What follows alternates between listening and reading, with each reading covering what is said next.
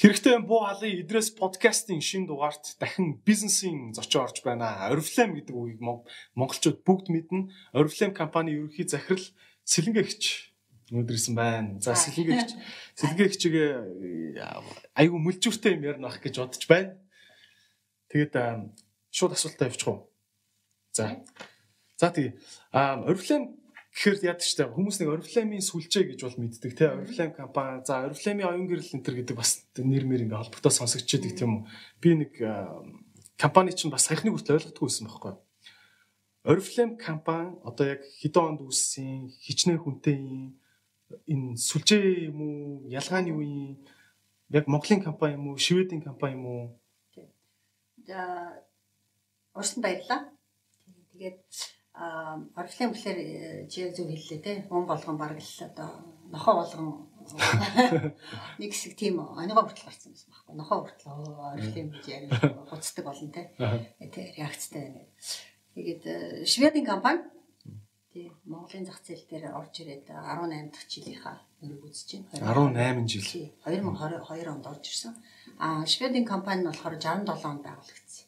Тэгээд дэлхийн одоо нэг 66 оронд үйл ажиллагаа явуулж байгаа. Яг ийм салбар компаниудынхаа югаар а дэлхийд даяар нэг 7000 ажилтнтай а юу юуны хувьд болохоор манай бүтээгдэхүүнийг а манай нэрний өмнөөс сурталчилж тэрнээсээ одоо орлогочдөг хүмүүс үү буюу угаа сайхны зөвлөхүүд гэдэг тийм том аарн байна шүү дээ.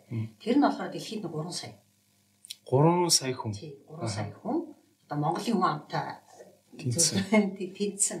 Тийм одоо хүмүүс тэр 66 оронд үйл ажиллагаа явуулж байгаа гэсэн үг. Direct selling яадаг вэ гэхээр компани өөрөө бүтээгдэхүүнээ борлуулдаг. Жижиглэн худалдаа ерөөсөө эрхэлдэг. Аа одоо төв агуулах гэж байна. Тэрнээсээ одоо манай тэр бүрөө ирэхэд госхны зөвлөхүүд маань эрэл бүтээгдэхүүнээ аваад тэгэл цаашхад гараас гарт гэж байгаа шүү дээ тийм дайрект зээл чинь гараас гарт тэгэд үйлчлэгээний хэлбэр нь хүртэл аюу сонирхолтой байхгүй. Чи зүгээр нэг дэлгүүрээс очиж бүтээгдэхүүн авах биш үү? Чи бүхлөд харилцаанд орж байгаа байхгүй. Амьд хүнтэй. Тэр хүн тэр бүтээгдэхүүнээ хэрэгэлсэн, тэрний ичдэг мэдэрсэн те. Тэгээд танд хамгийн тийм богино хэрэгтэй тохирсон зөвлөгөө бүтээгдэхүүнүүд чинь тааруулаад буюу майчлаад гэдэг шүү дээ. Тэгэл өгчөж байгаа байхгүй. Энэ их зөвүүн санаа надад санагдсан байхгүй хамгийн анх те. Ямар ч дэлгүүр байхгүй дэлгүүр байхгүй гэдэг чинь түрээс байхгүй худалдагч сэлэнжуулахгүй битүү зардал хэмнэн те. Тэгсэн бүртлөө хүнээс хүнд зарна. Тэг хүн чинь мэдээж хүнээс юм авахтаа бас нэг за ганц нэг түүхийнхаа багшаас нэг те цалин дээр нэмэр болог тэгээд бас аав тийм үү? Тэгэхээр нэг юм хүнээс хүндэх халуун дулаан харилцааг бүр ингээд амар өөртөө зөвүүнээр ашигласан бизнес модель санагдаад байгаа байхгүй Америк модель шүү дээ дэлхийд даяар Америкт хөгжсөн өссөн хөгжсөн. Тэгээд дэлхийд даяар тархсан. Тэгээ ерөөсө тэр 50 60-аад онд ч юм бол ерөөсө эн чин оргил үедээ очоод тэгээд э, энэ Шведэд яг энэ энэ загвараар дайрект селинг буюу шууд борлуулалтын аргаар орхилын байгуулагдсан байхгүй. Тэр үед ч юм бол ерөөсө бүр анаагч ирсэн байхгүй. Тэгээд э, зарчим нь юу вэ гэхээр ерөөсөө л нөгөө яг чиний хэлж байгаатай яг адилхан байхгүй. Ерөөсөө тэр хөрөн оруулалт хэрэггүйгээр өөрөнгө гэсэн бизнестэй болох анхны санаа нь яаж төрсөн бэ гэхээр door to door sales. Тэгэл нөгөө нэг борлуулагч хаалга тогшоол нөгөө бүтээгдэхүүнээ танилцуулаад те нэг тийм Америкийн нөгөө юунууд байдаг штэ хөрхийн тэшнүүдтэй те тэгээ тэрийг онгойлгож дандаа банд өрөөний бүтээгдэхүүн зардаг те. Тий тэгэл тэгж эхэлчихсэн. А тэгээ тэрэн дараа нь юу болж хуурсан бэ гэхээр гэртээ урддаг тийм халуун дулаан орчинд гой орчинд өөрийнхөө орчинд хүмүүсүүдийг урддаг за тэгээ бяцхан дайлалт явагдана сонирхлынхаа тухай ярина жижигхэн пати маягийн тийм одоо үдшилэг гэж хэлэх юм уу те пати цугларалтай тийм маягаар бүтээгдэхүүнээ ярина. Тэгээд тэр бүтээгдэхүүнүүд чи аавна. А чи тэр бүтээгдэхүүн борлуулснараа тэр тухайн тэр үйлдвэрлэгч компаниасаа борлуулалтынхаа хэмжээгээр чи урамшуул авч байгаа байхгүй юу? Simple as that гэдэг шиг маш энгийн зарчимтай. Тэгээд хөрөнгө оруулалтгүй чи өөр ингэсэн бизнес болж болж байгаа одоо Oriflame компани гэхээр би бол бодоцсон л та таныг Oriflame гэхээр таны доор хичнээн хүн байгаа гэж би анх бодоцсон байхгүй юу? Сэлэнгэ захирал гээл тэгэхээр сэлэнг захирал гэхээр тэр чин Тэгэхээр чи та болохоор тустай ойлголт байгаа байхгүй? Тэгэхээр би түн хэлсэн шүү дээ. Манай Дэлхийн 66 орнд үйл ажиллагаа явуулж байна. 7000 ажилчинтай ажиллагчтай. Нь яг Oriflame одоо ХКК гэж байдаг бол тэрнээсээ цалин авдаг хүн гэсэн үг тийм. Тэр нэг 7000 Монголд бол нэг бид нэр нэг 40-с 50 ажил ажилтнтай ингээ үйл ажиллагаа явуулж байгаа. Манайх чинь нэг том агуулгатай. Одоогийн байдлаар бол нэг тогтмол цалин авдаг 50 хүн 50 хүн байна тийм. 50 хүн хэлбэлцэж байдаг тийм. А гоо цагны зөвлөх гэдэг нь бол манай бүтээгдэхүүн манай үйлчлэгийг бусдад санал болгосноороо өөр ингэсэн одоо бизнестэй хүмүүс хүмүүс хинч байж байна. Та тэгэхээр тэр ер нь бол та тэгэхээр яриад байна л да нэг юм өөрийн гэсэн бизнестэй болно энэ гэдэг үг ашиглаад байна л да. Тэгэхээр та тэр хувь хүмүүсийг ганц хүний бизнес гэж хараад байна уу те? Тийм шүү дээ. Яагаад тэгж бодож байна? Аа эрх чөлөөтэй хинт ч баригдахгүйгээр бүх боломжийг ашиглана. Гараа бол бүгдээрэнд нийжлэх юм байдаг байхгүй. Манайх чинь 1000 гаруй нэр төрлийн бүтээгдэхүүн байгаа. Тэр дотроо гоо сагнаас гадна а эрүүл аж төрх ёсны wellness буюу тэр эрүүл аж төрх ёсны бүтээгдэхүүн нь одоо бүр бүүн болж байгаа шүү дээ. Маш хэрэгцээтэй бүтээгдэхүүн. Тэгэхээр энэ бүтээгдэхүүнүүдийг өөрийнхөө ур чадвар, оюуны чадхаа оруулаад тэр одоо өөр ямар нэгэн онцгой хөрөнгө оруулалт хийх байхгүй. Тийм. Чи тэр бүтээгдэхүүнийг өөрөө хэрэгжилж үзээ тэр хэрэгжилсэн мэдрэмжүүдээс ярьснараа хүн худалдаа авалт хийж байгаа байхгүй. Зарах бараа нь байна. Брэнд үүсгэж хөгжүүлээд байх шаардлага алга. Брэнд бараа хоёрыг авлаа. Найдвартай ханган нийлүүлэлт байна. Найдвартай. Тэгэл одоо өөрөө яаж зарж очив. Хамгийн одоо тийм боломжийн бизнес байхгүй бизнес гараа. Юусе. Дунджаар ба штэ тий одоо нэг янз бүрийн амжилттай ажиллаж байгаа хүмүүс бол да. Том юм баг бүрдүүлээд яаж байгаа хүмүүс шин гэд харьцуулахад бол одоо дунджаар бид нэр харахад бид нар чинь жил болгон харьцуулт хийдэг байхгүй. Одоо багшийн цалинтай ямар төвшөнд байна уу гэж харьцуулт хийгээл ингээл харах бенчмаркийг хийхлээр жилийн жилд одоо манад ажиллаж байгаа тодорхой төвшний зөвлөхөд бол хамаагүй илүү орлоготой байгаа байхгүй. За сард 2 сая орлого ямар ч одоо гараагүй ямар ч хөрөнгө оруулахгүй тийм бизнесийг одоо 2 сая гэдэг чинь хамгийн багаар ярихад шүү дээ. Тэгээд ишгэ. Тийм. Яг би таныг нөгөө талаас нь жоох ингэж атаклч болох үз талаас нь асуух гэдэг нь л та тий. За одоо жишээ нь орифлем гэдэг үг ингээл ярангууд бас сүлжээний нэг юм нэгэн нэгэн дээр нь суугаал ингээл доор нь 10 хүн ажиллал нэгэн дээр нь баялаг бүтэхгүй ингээл баахан хүнээс татаас аваад сууж идэг сууж идэг ийм ийм паразит паразитын пирамидыг үүсгдэг тийм сэтгэлгээг суулгадаг юм юм биш үсттэй гэсэн асуулт байна л та. Тийм юм байгаа. Гэхдээ нөгөө нэг хүн чинь нөгөө нэг юмаа мэдэхгүй юм үзий яддаг гэсэн ойлголт өгдөг шүү дээ. Тэр сүлжээ гэдэг нэр чинь нэг тийм одоо миний ойлгосоор бол нэг хараалын юу болсон. Яагаад гэсэн бэ гэхээр Монголд бол тийм хараалын үг болсон. Яагаад гэсэн бэ гэхээр хууль ёсны үйл ажиллагаа явуулах тэр нэг загвар гэж байдаг. Одоо орифлын бол шууд борлолттой дээр загварч байж байна. А юу нь болохоор тэр пирамид гэдэг нэрлээд байгаа юм чинь тэр чинь хууль бос юм байхгүй. Ерөөсө пирамид дээр яадаг вэ гэхээр ёстой чиний хэлдгээр анх энийг эхлүүлсэн хүн нь доотлын хүмүүсийг мүлжүүл хамгийн их орлогожоол доотлын хүмүүсүүд нь бол өстой жинхэнэ будаа шиг тэр одоо юм хүртэл хамгийн багаар хүртэл ингэ сууж байгаа байхгүй. А жишээ нь одоо жишээ нь гол ялгаа нь юун дээр харагдана гэсэн үг. Нэгдүгээр тийм шүү дээ тийм. Дорифлемийн дээр байгаа хүн а тэр нэг хөл бус пирамидын дээр байгаа хүн хоёрын хооронд гол ялгаанууд нэг юу яаж харагдчихэв. Ялгаа нь бол юу вэ гэхээр тэр дээр сууж байгаа хүн чинь хөдөлмөрлөх шаардлага байхгүй шүү дээ. Тийм. Нэгдүгээр, хоёрдугаар тэр чинь бараа эргэлт үүсэхгүй байгаа. Тэр хүн юу үүсгэж байгаа гэхээр хүнээс зүгээр одоо нөгөө эсэлтийн хураамж авч байгаа. Ялгаа нь бол тэр. Одоо жишээлбэл пирамид бол за чамаг э, юу яа? Эсвэлий оруулъя чи манад ор эсэлтийн хураамж 500 доллар. Гэхдээ чи бол маш богино хугацаанд тэр 500 доллар эргээд авах боломжтой. Чи э, нэг хүн аваад ирэхэл чи 500 доллар ч буцаад чамд төлөгд чинь. За хоёр хүн аваад ир 1000 доллар Тэгэхээр хоёр дахь хүнийхийг нь өөр авчин тий. Тий. Орифлемд бол тийм хурамж хурамж гэдэг юм байхгүй юм тий. Орифлем тэр нэг 5000 хэдэн минимал. Энэ болохоор нөгөө анх төршилж байгаа хүний гарын авлага гараа авлагын зардал бүртгэлийн зардал тийм тиймэрхүү жижиг юм. Аа зөв зөв. Тэгэхээр тэр боршуурныхаа баг хөвлөлтөнд л тарчдаг юм байт юм тий. Тэгэд одоо чинь зөв логикоор ярил л да одоо чинь хүн тэгж боддог үстэй. Миний одоо захирал бол надаас илүү эрсдлийг хүлээж зээл авсан учраас надаас илүү хайртай энэ компани явсан ч явгүйч цалингаа авна гэдэг утгаараа ажилтны цалин арай бага гэд нэг юм юм шудраг усны баланс нь харагддаг та тий. Орифлейм дээр та ингээ харахаар ийм орифлейм л гэж байна л тийм директ борлуулалтын шууд борлуулалт. Тийм тийм шууд борлуулалтын модель дээр ингээ харахаар дээр доор байгаа хүмүүс нь яаж шудраг мэдрэмжийг авцгаад юм бэ? Аа, ерөөсөө нийлдэлтэй бүхэнд. Одоо жишээлбэл нэг юм жишээ аахгүй.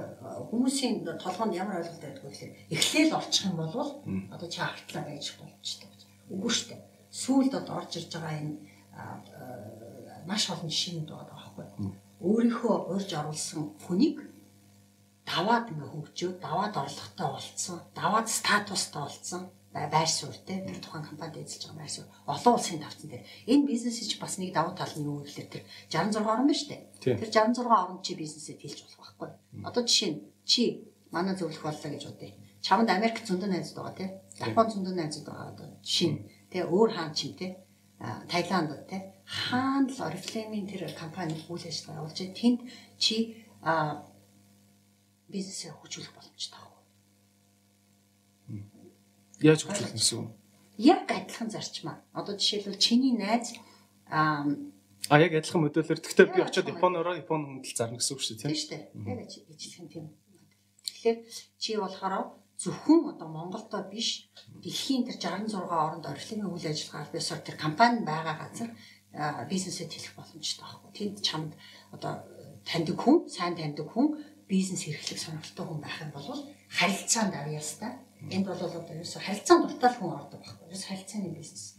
Тэгэл борлуулалт шүү дээ тэр нь бол тийм. Тэр харилцааны бизнес. Тийм. Окей. Та энэ 2002 онд Oriflame гэдэг хүмүүс нэг Oriflame гэхээр Oriflame-ыг оруулж ирсэн энэ төр гэдэг үг айгүй ашигладаг шүү дээ тийм. Та бол Шведийн компани Монгол дахь салбарын суурин төлөөлөгч. Суурин төлөөлөгч бөгөөд бас хувьцаа эзэмшигч байгаа тийм. Тэгж тийм гараанаас эхэлсэн зөө. Тийм тийм ерөнхийдөө тэгсэн тийм. Аа та шведүүдтэй одоо яаж явж очиод уулзаад шведүүдтэй явж шуулзав. Яа юу болсон юм? Тийм. Энэ юу бүтээгдэхүүн чинь харьцангуй нөгөө Оросын холбооны улс Украинаас тэнд төрүүлээд энэ компани гэдэг үйл ажиллагаа явуулаад эхэлсэн байсан. Тэгээд бүтээгдэхүүн үнэхээр одоо хүмүүст маш их таалагдсан. Байгалийн гаралтай. Тэгэл тэр үед чинь тийм юм бас ховор болсон тийм А тэгээд эн чинь нэг mouse to mouse буюу амнаас амд амьдсан сурталчилгаа гэдэг чинь хамгийн хурдтай тардаг тий сурталчилгаа байхгүй. Нэгдүгээр хоёрдугаар ихтгэл үнэмшилтэй. Одоо чи бит бит хоёр жишээл аягүй сайн найз байлаа гэхдээ би чамд хэлнэ шүү дээ. Эдрээ зам. За ёстой энийг л чи хэрэглэх юм бол одоо супер. Чамд энэ тохирно. Энэ боломжийн би чамд өшөө 50% амьдралтай үе гэл тэгвэл чи надад савн үстэй. Тийм. Тий. Тэгэхээр чи ерөөсөө тим зарчмаар явж байгаа байхгүй. Юу? Аа Орос Украинд бол буддаа болгоцсон байсан биш үү? Ер нь бол эхэлж исэн, бизнес эхэлж исэн. Тэгээ яасан бэ гэхэл тэнд амьдарч исэн хүмүүс аа ерөөсөл өөр зах зээлүүд хайж эхлэхгүй гаргыг гаргыг энэ бүтээгдэхүүнүүд ерөөсөл ийм зарчмаар яаж байгаа юм чинь бизнес чи яадгүй? Эхлээд тодорхой нутаг дэвсгэр дээр хүрээгээд хилдэг дараа нь багтгаа болохоор яадгүй? Зэрэгэлдээ хорон зайлгууд хилдэг тэгээд дэлхийд даяар тавдаг гэсэн. Ерөөсөө сүлжээгээд нөгөө нэг хараалыг болоод байгаа юм чинь хамгийн юу байхгүй бизнесийн зарчим шүү дээ сүлжээ бизнесийн хэмнэлттэй зарчим байна тийм. Тэгэл нөгөө хууль бусаар хүмүүс зөөжсэн яасан нэг явсан, хоёр явсан, гурван явсан. Эдгтэр нь баригдаад нэлээд их хэмжээний э, тухайн үед 100000 долларын бараа хил дээр баригдаад тэгэл бөөн асуудал болж байгаа байхгүй. Энэ Oriflame гэдэг компани хууль бусаар смаглинг буюу хууль бусаар нөгөө хараар те юм хийж юм бэл тэгэл компани нэр гаргахгүй тул ёс зүйтэй компани учраас тэгэл шууд орж ирээд Монголын зах зээл орж ирээд жижигэн ч гэсэн эрэлт хэрэгцээ хүмүүс хувийн хэрэгцээнийхээ ингэж хэлээд оруулж ирэх гэсэн юм те худалдааны бүтээгдэхүүн долларын юм яаж хувийн хэрэгцээ гэж хэлэх үү тийм биз дээ. Эхэндээ бол тийм жижигхэн юмнууд байсан л да. Тэгээ сүүл рүүгээ бол тэр чинь тэгэл эрэлт хэрэгцээ нэмэгдээл тэгэхээр Oriflame компани ер нь бол миний ойлгож байгаагаар ингээл контейнертай юмуудыг галийн татврын төлж оруулж ирээд тий. хүмүүсийн гар дээр өгч байгаа. Хүмүүс нь орлого олж байгаа одоо энэ консалтант гэж нэрлэдэг хүмүүс шүү дээ. Энэ зөвлөхүүд тий энэ зөвлөхүүд чинь бүгд тус тустай яг татвар төлж байгаа юу? Тийм шүү дээ. Тэрийг нь Oriflame компани хянах уу яг? Татвар төлж ийн үгүй гэдгийг хянах уугүй? Хянахгүй шүү дээ. Тэр чинь татварын өөрийн тогтолцооны систем байгаа юм чинь. Тийм манай зөвлөхүүд бол яг л тэр нөгөө зуучлагчийн үйлчлэгээ үзүүлэл тэгэл тэрнээс олсон хөрөнгө мөнгнөөсөө олгосоо 10% тушаагаад тэгэл ингээл тайлгнадаг. Тийм. Зөв зөв Oriflame компани тайлгнчихж байгаа болохоор нөгөө талаас нь Тэртээ тэр ойлгомжтой. Ойлгомжтой тийм нэг бид нар хянаад ах шаардлага. Тийм ээ. Тийм. ээ. Аа та яадаг одоо ингэ шведүүдтэй ингэ бизнес яриад явж байхад ингэ ажиллаа хийгээ явж байхад те. Анхандаа тийм байж байгаа цүлдээ ингээ ойлголцсон ч юм уу? Монголчуудыг ерөөсөө ойлгохгүй байсан ч юм уу? Тиймэрхүү юм гарсан уу? Тиймэрхүү ерөөсөө гарч байгаагүй. Ер нь бол шведууд ч маш их нийлдэт хүмүүс. Удирдлагын тэр зарчим нь их тийм дарчилсан гэх юм уу да.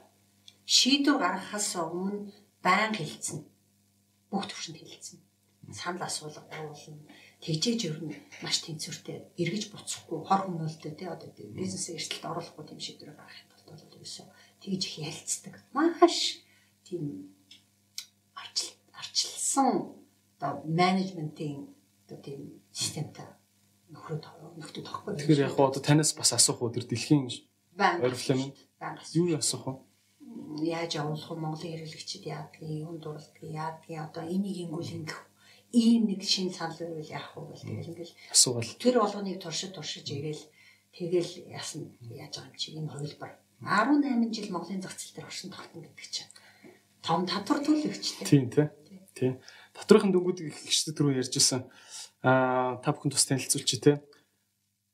Та буруу хэлсэн бол та засаараа аа нийт 2002 оноос хойш 81 тэрбум төгрөгийн татвар төлсөн юм тий. Oriflame компани. Тэгээд доор одоо доор нь гэж ярих уу одоо зөвлөхүүд нь тий. Зөвлөхүүд нь нийлээд 97 тэрбум төгрөгийн татвар төлсөн юм байна. Татвар биш. Аа орлого орлого болсон юм. Бид одоо Oriflame-аас авсан цалинжсан гэх юм уу орлого байхгүй. Тэгэхээр одоо яг л энэ 97 тэрбум төгрөгийг Oriflame компани данснаас аваад маш олон зөвлөхүүд 21 хувааж авч байгаа юм шүү дээ. Тий нэг нэг юу л орж байгаа бацлаа бараа ирэлтээс нь тооцоо гараад тэгэл. Хичнээн зөвшгүүд байт юм бэ Монголд? Одоогийн байдлаар нэг 20 мянга орчим зөвлөх. 20 мянган хүн. За тэгээд 2.5 тэрбум гэж тоос өсгөжсэн тийм. Энэ маань өнгөрсөн жил. Өнгөрсөн 1 жилийн татварын хэмжээ. Аа. Тэгэхээр бас айгүй эргэлттэй л юм байна л да. 7 тэрбум юу зөвлөхүүдтэй урамшуул хэлбэрээр олгосон өнгөрсөн жил. 7 тэрбум шүү дээ. Ийм бизнесийн боломж, ийм бизнесийн зах зээл биш. Тийм ээ. Тэгэхээр энэ одоо би би ойлгоход бол ингэж ойлгоод байгаа байхгүй юу? Энэ шууд борлуулалтын механизмын моделийн зөвүүн юм нь энэ 97 тэрбум төгрөг төгрөгтэй энэ 20 мянган хүний карманд тарж очихгүй байх байсан бол магадгүй ингээл салбарын байрны түрээс тог тэмхүү юмд явах юм байна тий. Тэ? А одоо ингэж ийм модельтэй байснаар орифлемын бүтээгдэхүүнүүд ингээд бусад бүх брэндүүдээс бүр эрс хямдхан байж чаддаг уу? Эсвэл албаар ингэж үнийг нь бусдуудтай ойрхон бариулдаг уу? Ингээд цаашдаа юу нэ хямдруул хэр хямдрах юм орон зай байдаг вэ? Үнд нь юм болгон чанартай биш шүү дээ. Хямд юм болгон бас юу биш шүү дээ. Бизнесийн одоо зорилго биш байхгүй. Хямдруулна гэдэг чинь бол яг өнөөдрийн нөхцөл байдалд бол одоо жишээлбэл те одоо ковид болцсон гэл одоо эрэлт хэрэгцээ буурлаа гэдэг байдлаар хямдрал хямдрал байж болно л доо. Гэхдээ бизнест юу чухал байдаг вэ? Шинэлэг юм чухал байдаг. Шинэлэг юм нэг заавалч хүн хямдрал биш. Одоо янз бүрийн нэг тийм саналууд байж болно л доо. Сорилтоо тухайн хэрэгцээтэй. Одоо яг бол өнөөдөр ямар хэрэгцээ байна те? Жишээ нь гар аюутгах гэж одоо гарны тостой баханд явж байгаа жишээтэй те. Тэгээд хямдрал биш Гэхдээ айгүй хэрэгтэй тийм чиний асуудлыг шийдэж чадахгүй гараа их угааж байгаа учраас яаж байгаа гарчаас асар их уурашна гарчин өрчин хорчин тийм тэгэл тэгэхээр нь тос нэмчээ нэмээд нарны тос нэмчээ гэх тийм ийм. Тэгэл шинэлэг энэ айгүй гоё байхгүй. Тэгээд хүний төлөө санаа тавьсан тийм яг тийм юу байхгүй. Та Norflame wellness гэдэг бүтээгдэхүүнүүд шин төрлийн одоо бүтээгдэхүүнүүдийн юм гэр бүл гэх юм уу да тийм багцыг ярьж штэ. Энэ хизэнээс үүсчв хэр Norflame компани хэр хурдтайгаар дараа дараагийнхан бүтээгдэхүүнүүдийг гаргаж байна. Дэлхийд э, одоо судалгаа хийгээд гаргаж ирсэн нэг тодорхой салбарууд байгаа байхгүй. Аль салбар илүү хөгжих үү гэдэг. Тэгээд тэр дотор бол э, хамгийн хурцтай одоо энэ ирээдүйд хөгжихтэй салбар бол юу гэхээр энэ эрүүл аж төрх ёсны салбар гэж гарч байгаа. Яг эрүүл мэндийн салбар биш те? Үгүй. Эрүүл аж төрх ёсны wellness гэдэг нэг англиар те. Эрүүл аж төрх ёс гэж бид нар бол тэгж нэрлэдэг те. Тэгэхээр энийг бол ерөөсөө тал талаас нь судлаад энийг бол гаргаад ирсэн. За тэгээд сошиал дээр одоо бүгд амьдэрч ороход юу ярьж байна вэ? Тэ яаж одоо дасгал хийх үү? Яаж йога, яаж тэр одоо сэтгэл санаагаа тайван байлгах уу, амжилтанд яаж хүрэх үү гэх тэр юм чинь бүгдээрээ эргээд хүний эрүүл амьдралын хэм маягтай холбоотой болчихж байгаа. Гэхдээ зүгээр нөгөө эрүүл биш те. Энэ бас эрүүл байгаа байхгүй. Бүх юм эрүүл гэж ч те. Тэр чинь их ирээдүйтэй салбар. Тэр яг гоо сайхны бүтээгдэхүүнээсээ бол хэлчихэж штэ тий. Халихгүй л дээ тэр хоёр ч холбоотой байхгүй. Чи гаднаа гоё байна. Гаднаа гоё байна тий. Биологийн хөшрөлт чи 25 наснаас эхэлчихэж байгаа байхгүй. Тэгвэл нь 25 наснаас л өөрийгөө зөв арчлаад эхлэх юм бол чи нөгөө нэг нэгдүгээр дурт наслах магадлал өндөрсөж байгаа. Хоёрдугаарт нөгөө эдийн янзын олдмол өвчин биш үү? Буруу амьдралын юм аяас үүсдэг. Тэр чин эрсдэл байхгүй. Тэгээд чи яах вэ? Аз жаргалтай байна, ирч хүчтэй байна, бүтээлч байна. Тэгэхээр чин чи одоо чамшиг ингээд олон юм хөөдөг те. Хүнд бол тэр ирч хүч, тэр эрүүл байхтай, тэр эерэг байх чинь эргээд нөгөө нэг гадаад гоо сайхан. Хүн чи эхлээд юг хардггүй хараал ингээл за энэ идрээ нэг иймэрхүү гадаад үзэмжтэй юм байна гэл. Тэгэл тэрнээс чи их чамд олж эхлэв штэ тэгээд цаашаа явах уу чамтай амаа нэгэд ярина. Тэнгууд вау энэ тэг гэл их мэдчихлээ тэгэхээр салшихгүй холбоотой байхгүй хоёлаа нэг бэж ижил шведийн концепц одоо нэг манайх чинь beauty by sweden гэж нөгөө мотон тийм юм байгаа байхгүй тэрний үгж байгаа юм гэхээр ерөөсөө гоо сайхан гэдэг чинь зөвхөн харагдах төдий юм биш харагдах нь бас бай байх хэрэгтэй. Аа Тэгтээ цаанаас байх хэрэгтэй. Тэгээд өшөө э, сэтгэл зүйн байдал чинь маш эрүүл байх хэрэгтэй. Хилжээж чи тэр амжилтанд. Одоо тэгээд сэтгэл зүйн байдал эрүүл байх хэрэгтэй гэж байна. Энэ дээр бол орифлемд санал болгоод авах бүтээгдэхүүн байхгүй үстэй тийм. Сэтгэл зүйн байдал гэдэг дээр байлгүй яг бид нар ч нөгөө зориг нэгтнүүдийн тийм юугаар ажиллаж байгаа байхгүй зарчмаар. Клубын систем гэдэг ярьдаг. Тэр яа гэсэн үг вэ? Тэр одоо яах вэ? Тэгэл нэг зоригтой хүмүүс нэгдэл би бинээсээ аз жаргал мэдрээл би бинээсээ дэмжлэгийг мэдрээл би бинээсээ урам аваад а тэгснэр яаж ийм вөхлөөр хувь хүний зориг болвол маш урттай биелж байгаа байхгүй. Хамтын хүч нэ синержи гэж ярьдаг шүү дээ. Тэр чин яагаад вэ та тэгээд тэр орчныг бүрдүүлж тэ? Одоо жишээлбэл очиж үнэлэгдэж байна үнэлэгдэх бас юмнууд байна. Манай зүгээр нэг мөнгө олох гэж биш тэ? Зүгээр үнэлэгдэх гэж хүнд магтуулах гэж ирдэг ажилтг хүмүүс зөндөө байна зөвлөхүүд тэ?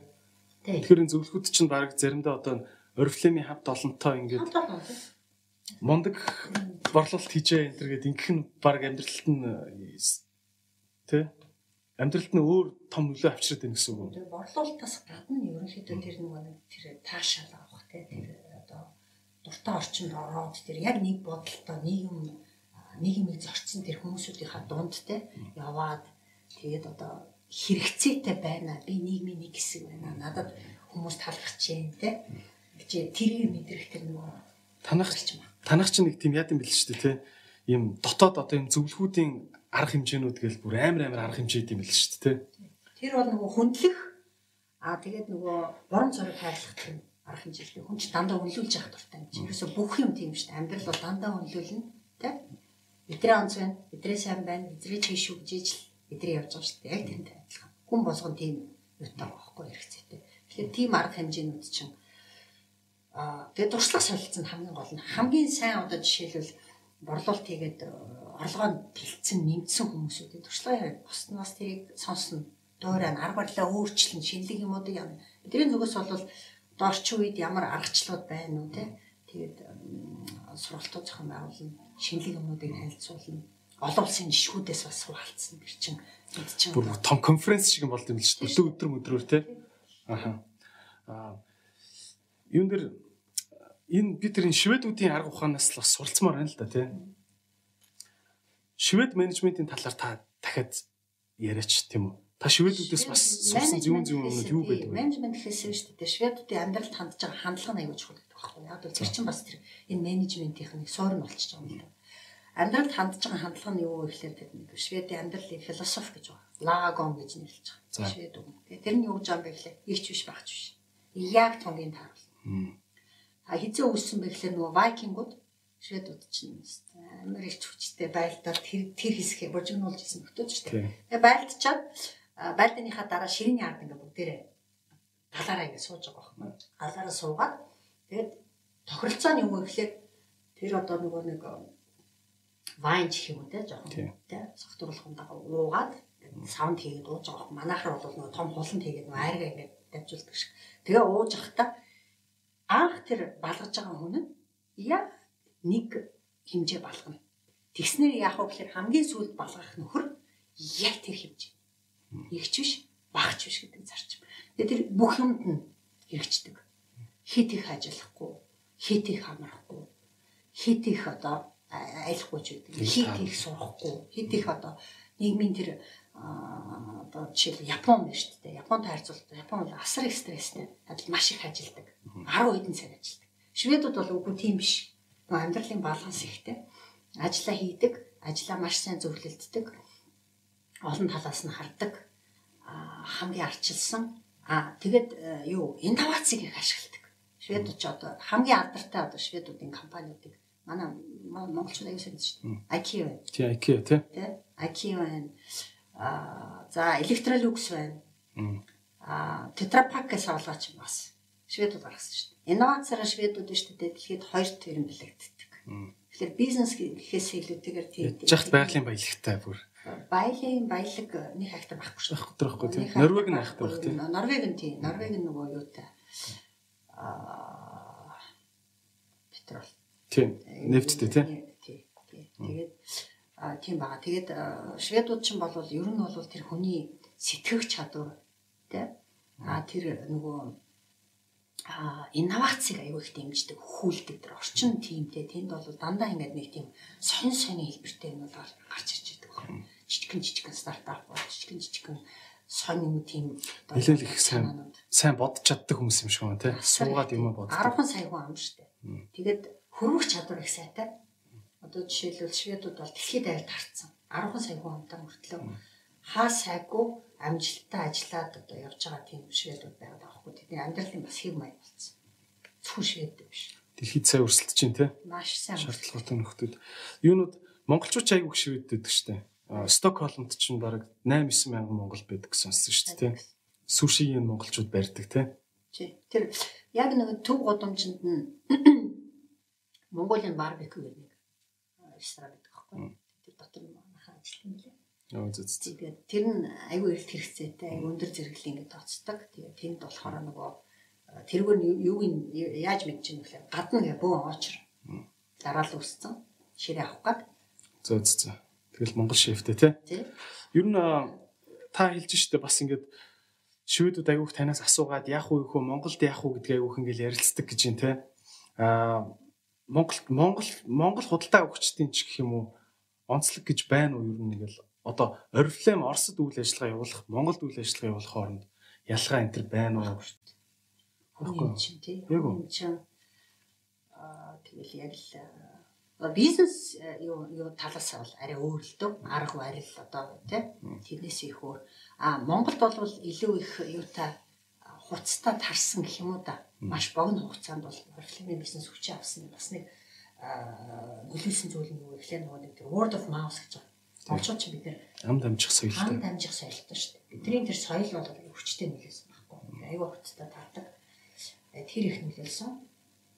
Нэг их айхтар одоо хуулах сурталчилгаа хийх хэрэггүй. Нэг их айхтар одоо одоо нөгөө маркетинг хийх шаардлагагүйгээр энэ бизнес чи өөрөө явчихж байгаа байхгүй. Тийм боломж бол маш их байгаа байхгүй. Одоо жишээл яг ийм загвараар бол өнөөдөр бизнес эрхлэх боломж бол Монголд маш их байна л да. Залуучууд ч хүн тэрийг харж байна. Одоо яа тийм үү? Одоо энэ сүлжээний гэж яриад байгаа шүү дээ, тийм.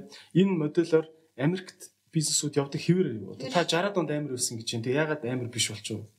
Амар биш болов шүү дээ. Аа сайг одоо жишээ солонгосыг нийлж болно л да. Солонгост бол энэ яг энэ шууд борлуулалтын аргаар бол бүх юм борлуулж борлогддгүй юм бол байхгүй. Явдаг юм бол байхгүй. Энэ бол хамгийн одоо өртөг багтаа ямар ч бизнес эхлүүлэхэд маш хурцтай. Тэгээд хүнээр дамжиж энэ бизнес хийж байгаа шүү. Харилцааны учраас word of mouth те амаас ам дамжсан юм чинь болохоор асар их хурцтай. Тэгэл нэг юу болчих юм бол сайн явах юм те.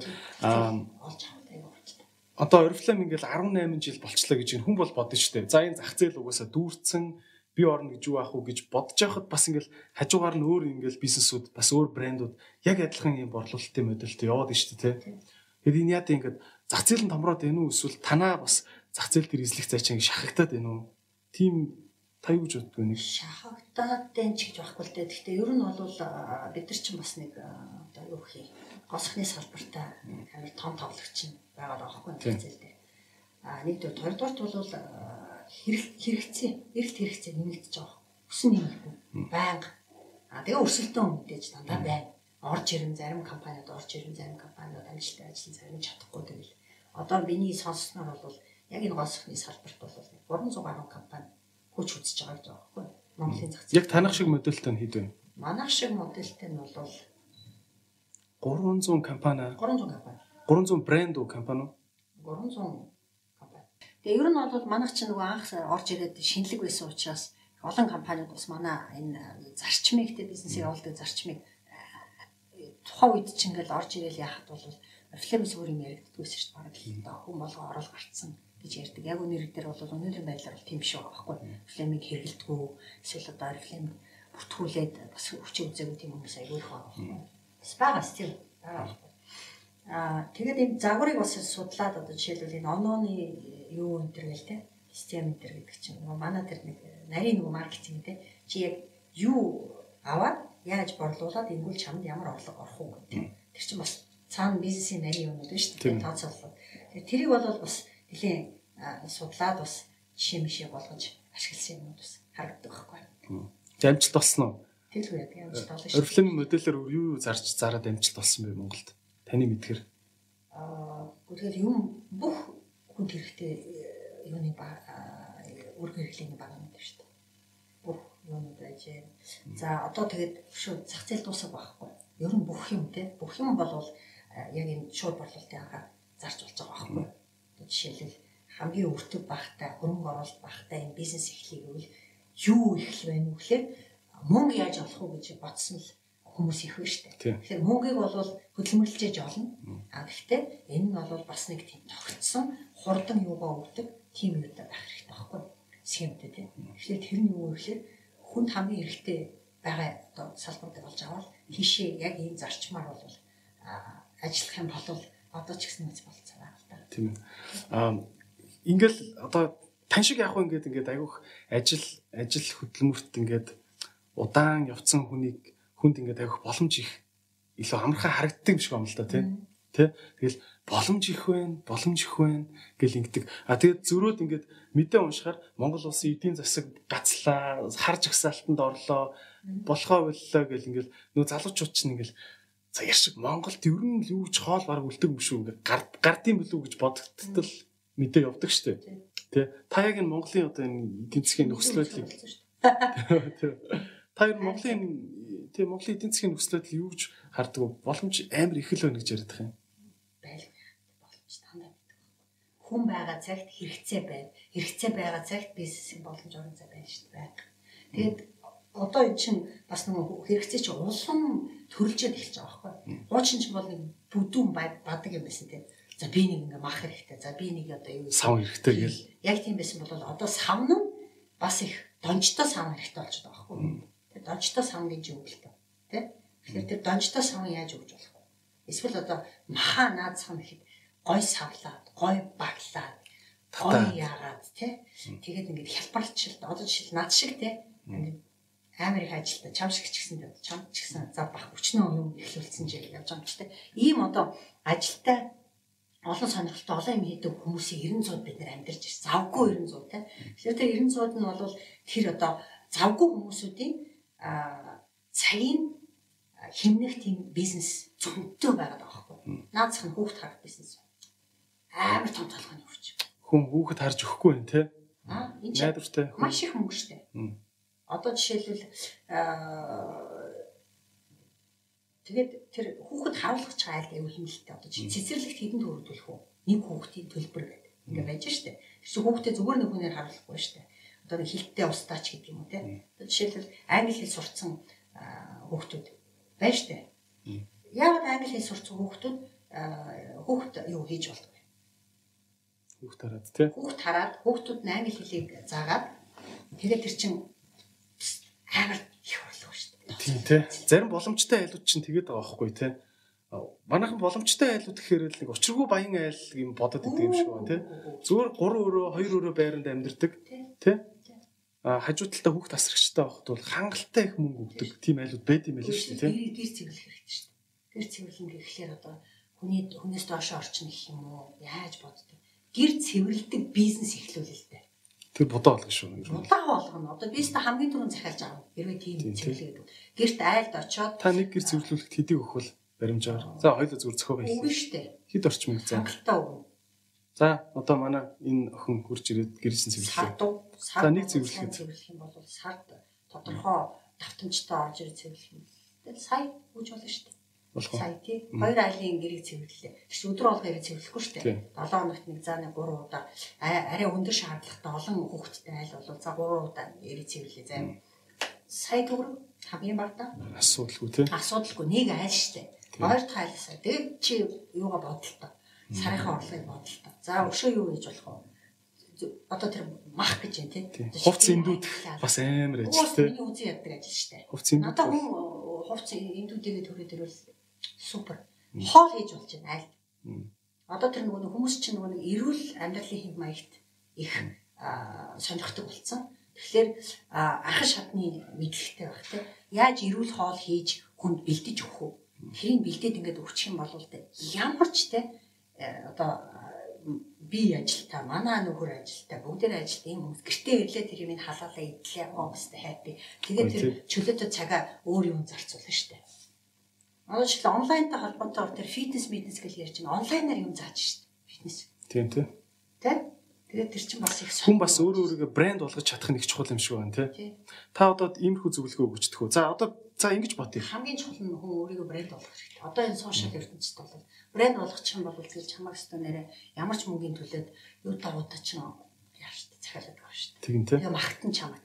Магтан гэдэг чинь цаана байгаа тэр хүний цаана хэдэн хүн 100 хүн байна. Өмнөний чадвартай тэр 100 хүн чамаг аавна гэсэн. Тийм. За, Oriflame-ийн захирлаас бүгдээрээ брэнд хүмүүний брендийн зөвлөгөө амар шүү дээ. За хоёул зүгээр гоо фантастик л таа тэхүү. За.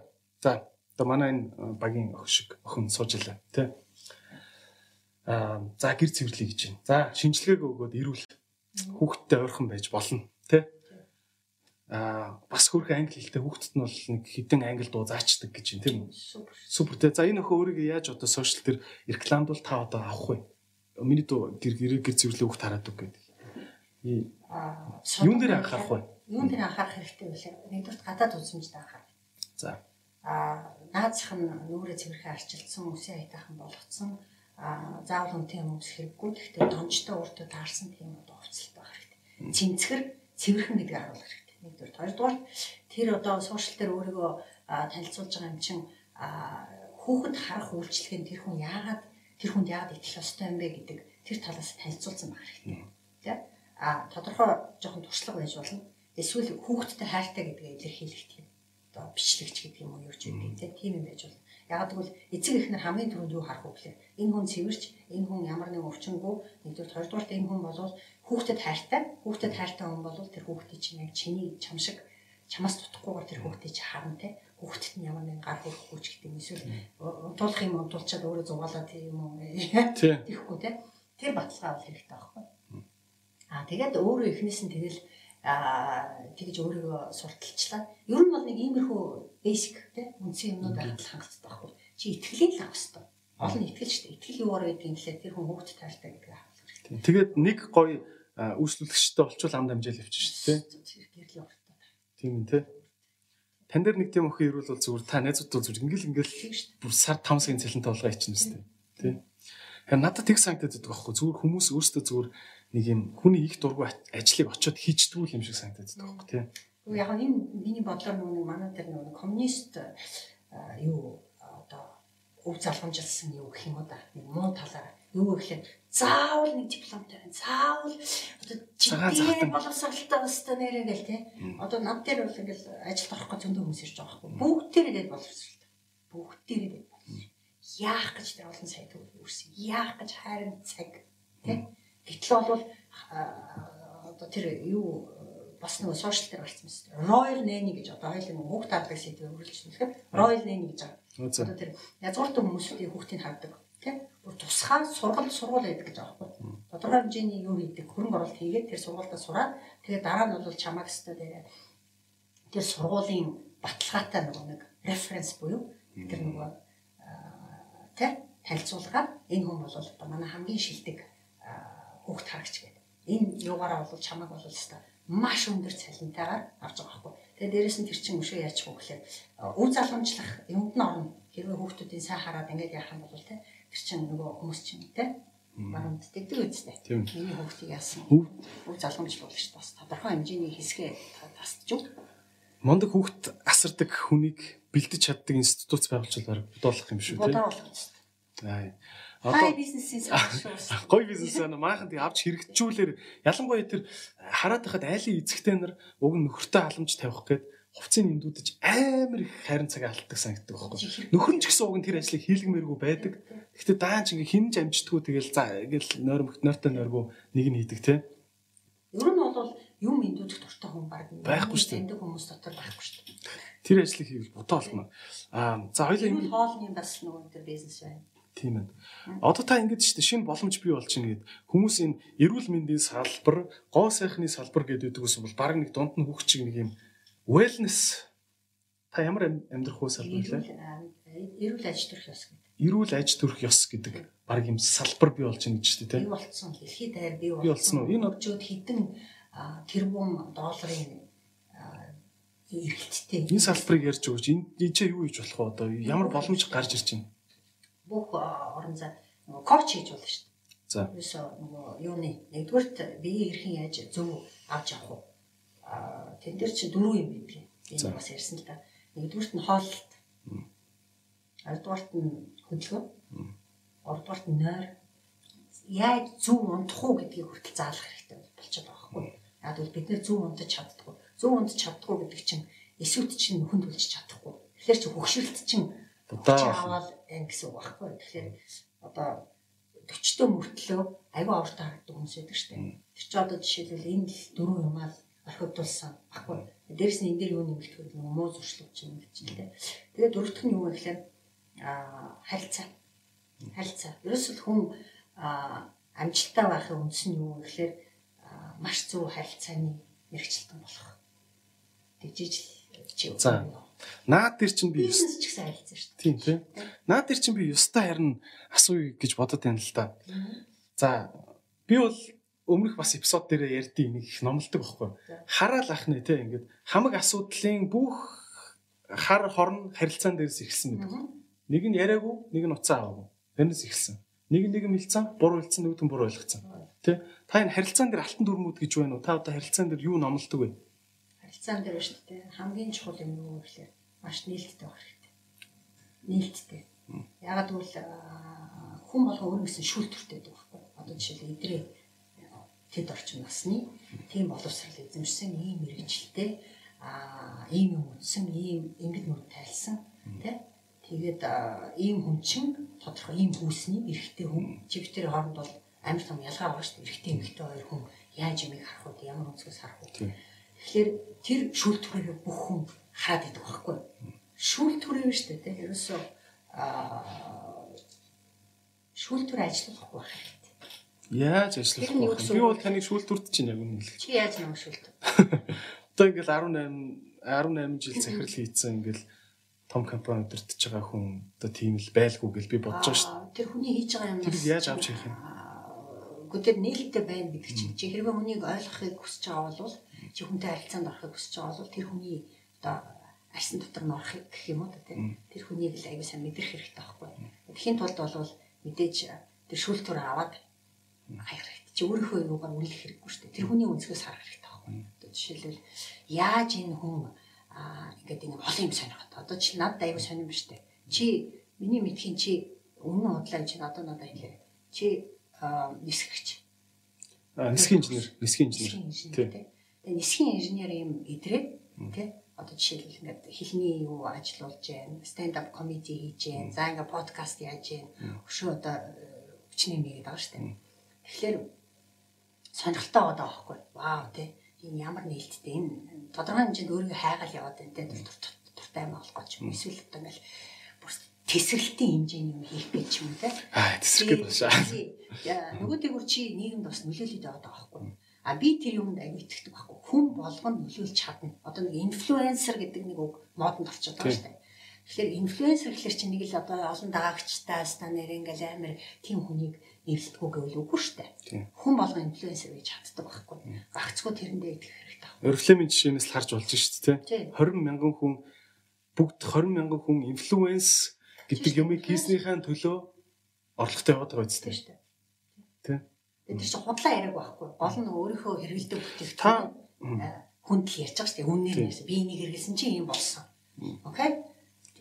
Чи тийм болмоор байна уу? Болмоор байна. За чи юу хасмаар байна уу? Чи хасмаар байна. Одоо тэр чи аюу том проблем болчиход байгаа юм. Аа тэгэхээр за би яг яг ийм юм ийдсэн, яг ингэсэн, ийм хөдөлгөөн хийсэн ингээл ерөөсөө би ингэсэн. Багаал ярьж чинь тийм үү? Аа ярьж чинь яг өөрийнхөө туршлагаас уулзж байгаа. Тэгээ тэр нь амьд итгэхэд тэр итгэж байгаа байхгүй зүгээр нэг ингээд за энэ бүтээгдэхүүн юм гоё. Лайк хийлээ. Тийм шүү дээ. Окей. Харилцаа гэдэг чинь бол ерөөсөө тэгэл юу одоо харилцаан дээр бол хамгийн гол нөгөө ярьдаг сэдв чи юу гэхээр EQ гэж ярьдаг шүү дээ. EQ зөндөл ярьдаг шүү дээ. Intelligence. Тэгээд нөгөө өөрийнхөө сайн таних хэрэгтэй л дээ. Өөрийгөө сайн таних хэрэгтэй. Өөрийгөө сайн таних чадаагүй хүн бол өөрийгөө ойлгоогүй хүн бол ерөөсөө хэзээ ч хүнтэй харилцаанд амжилттай харилцаанд ордог байхгүй. Надад өөрийнх нь эго нь ажилладаг байхгүй.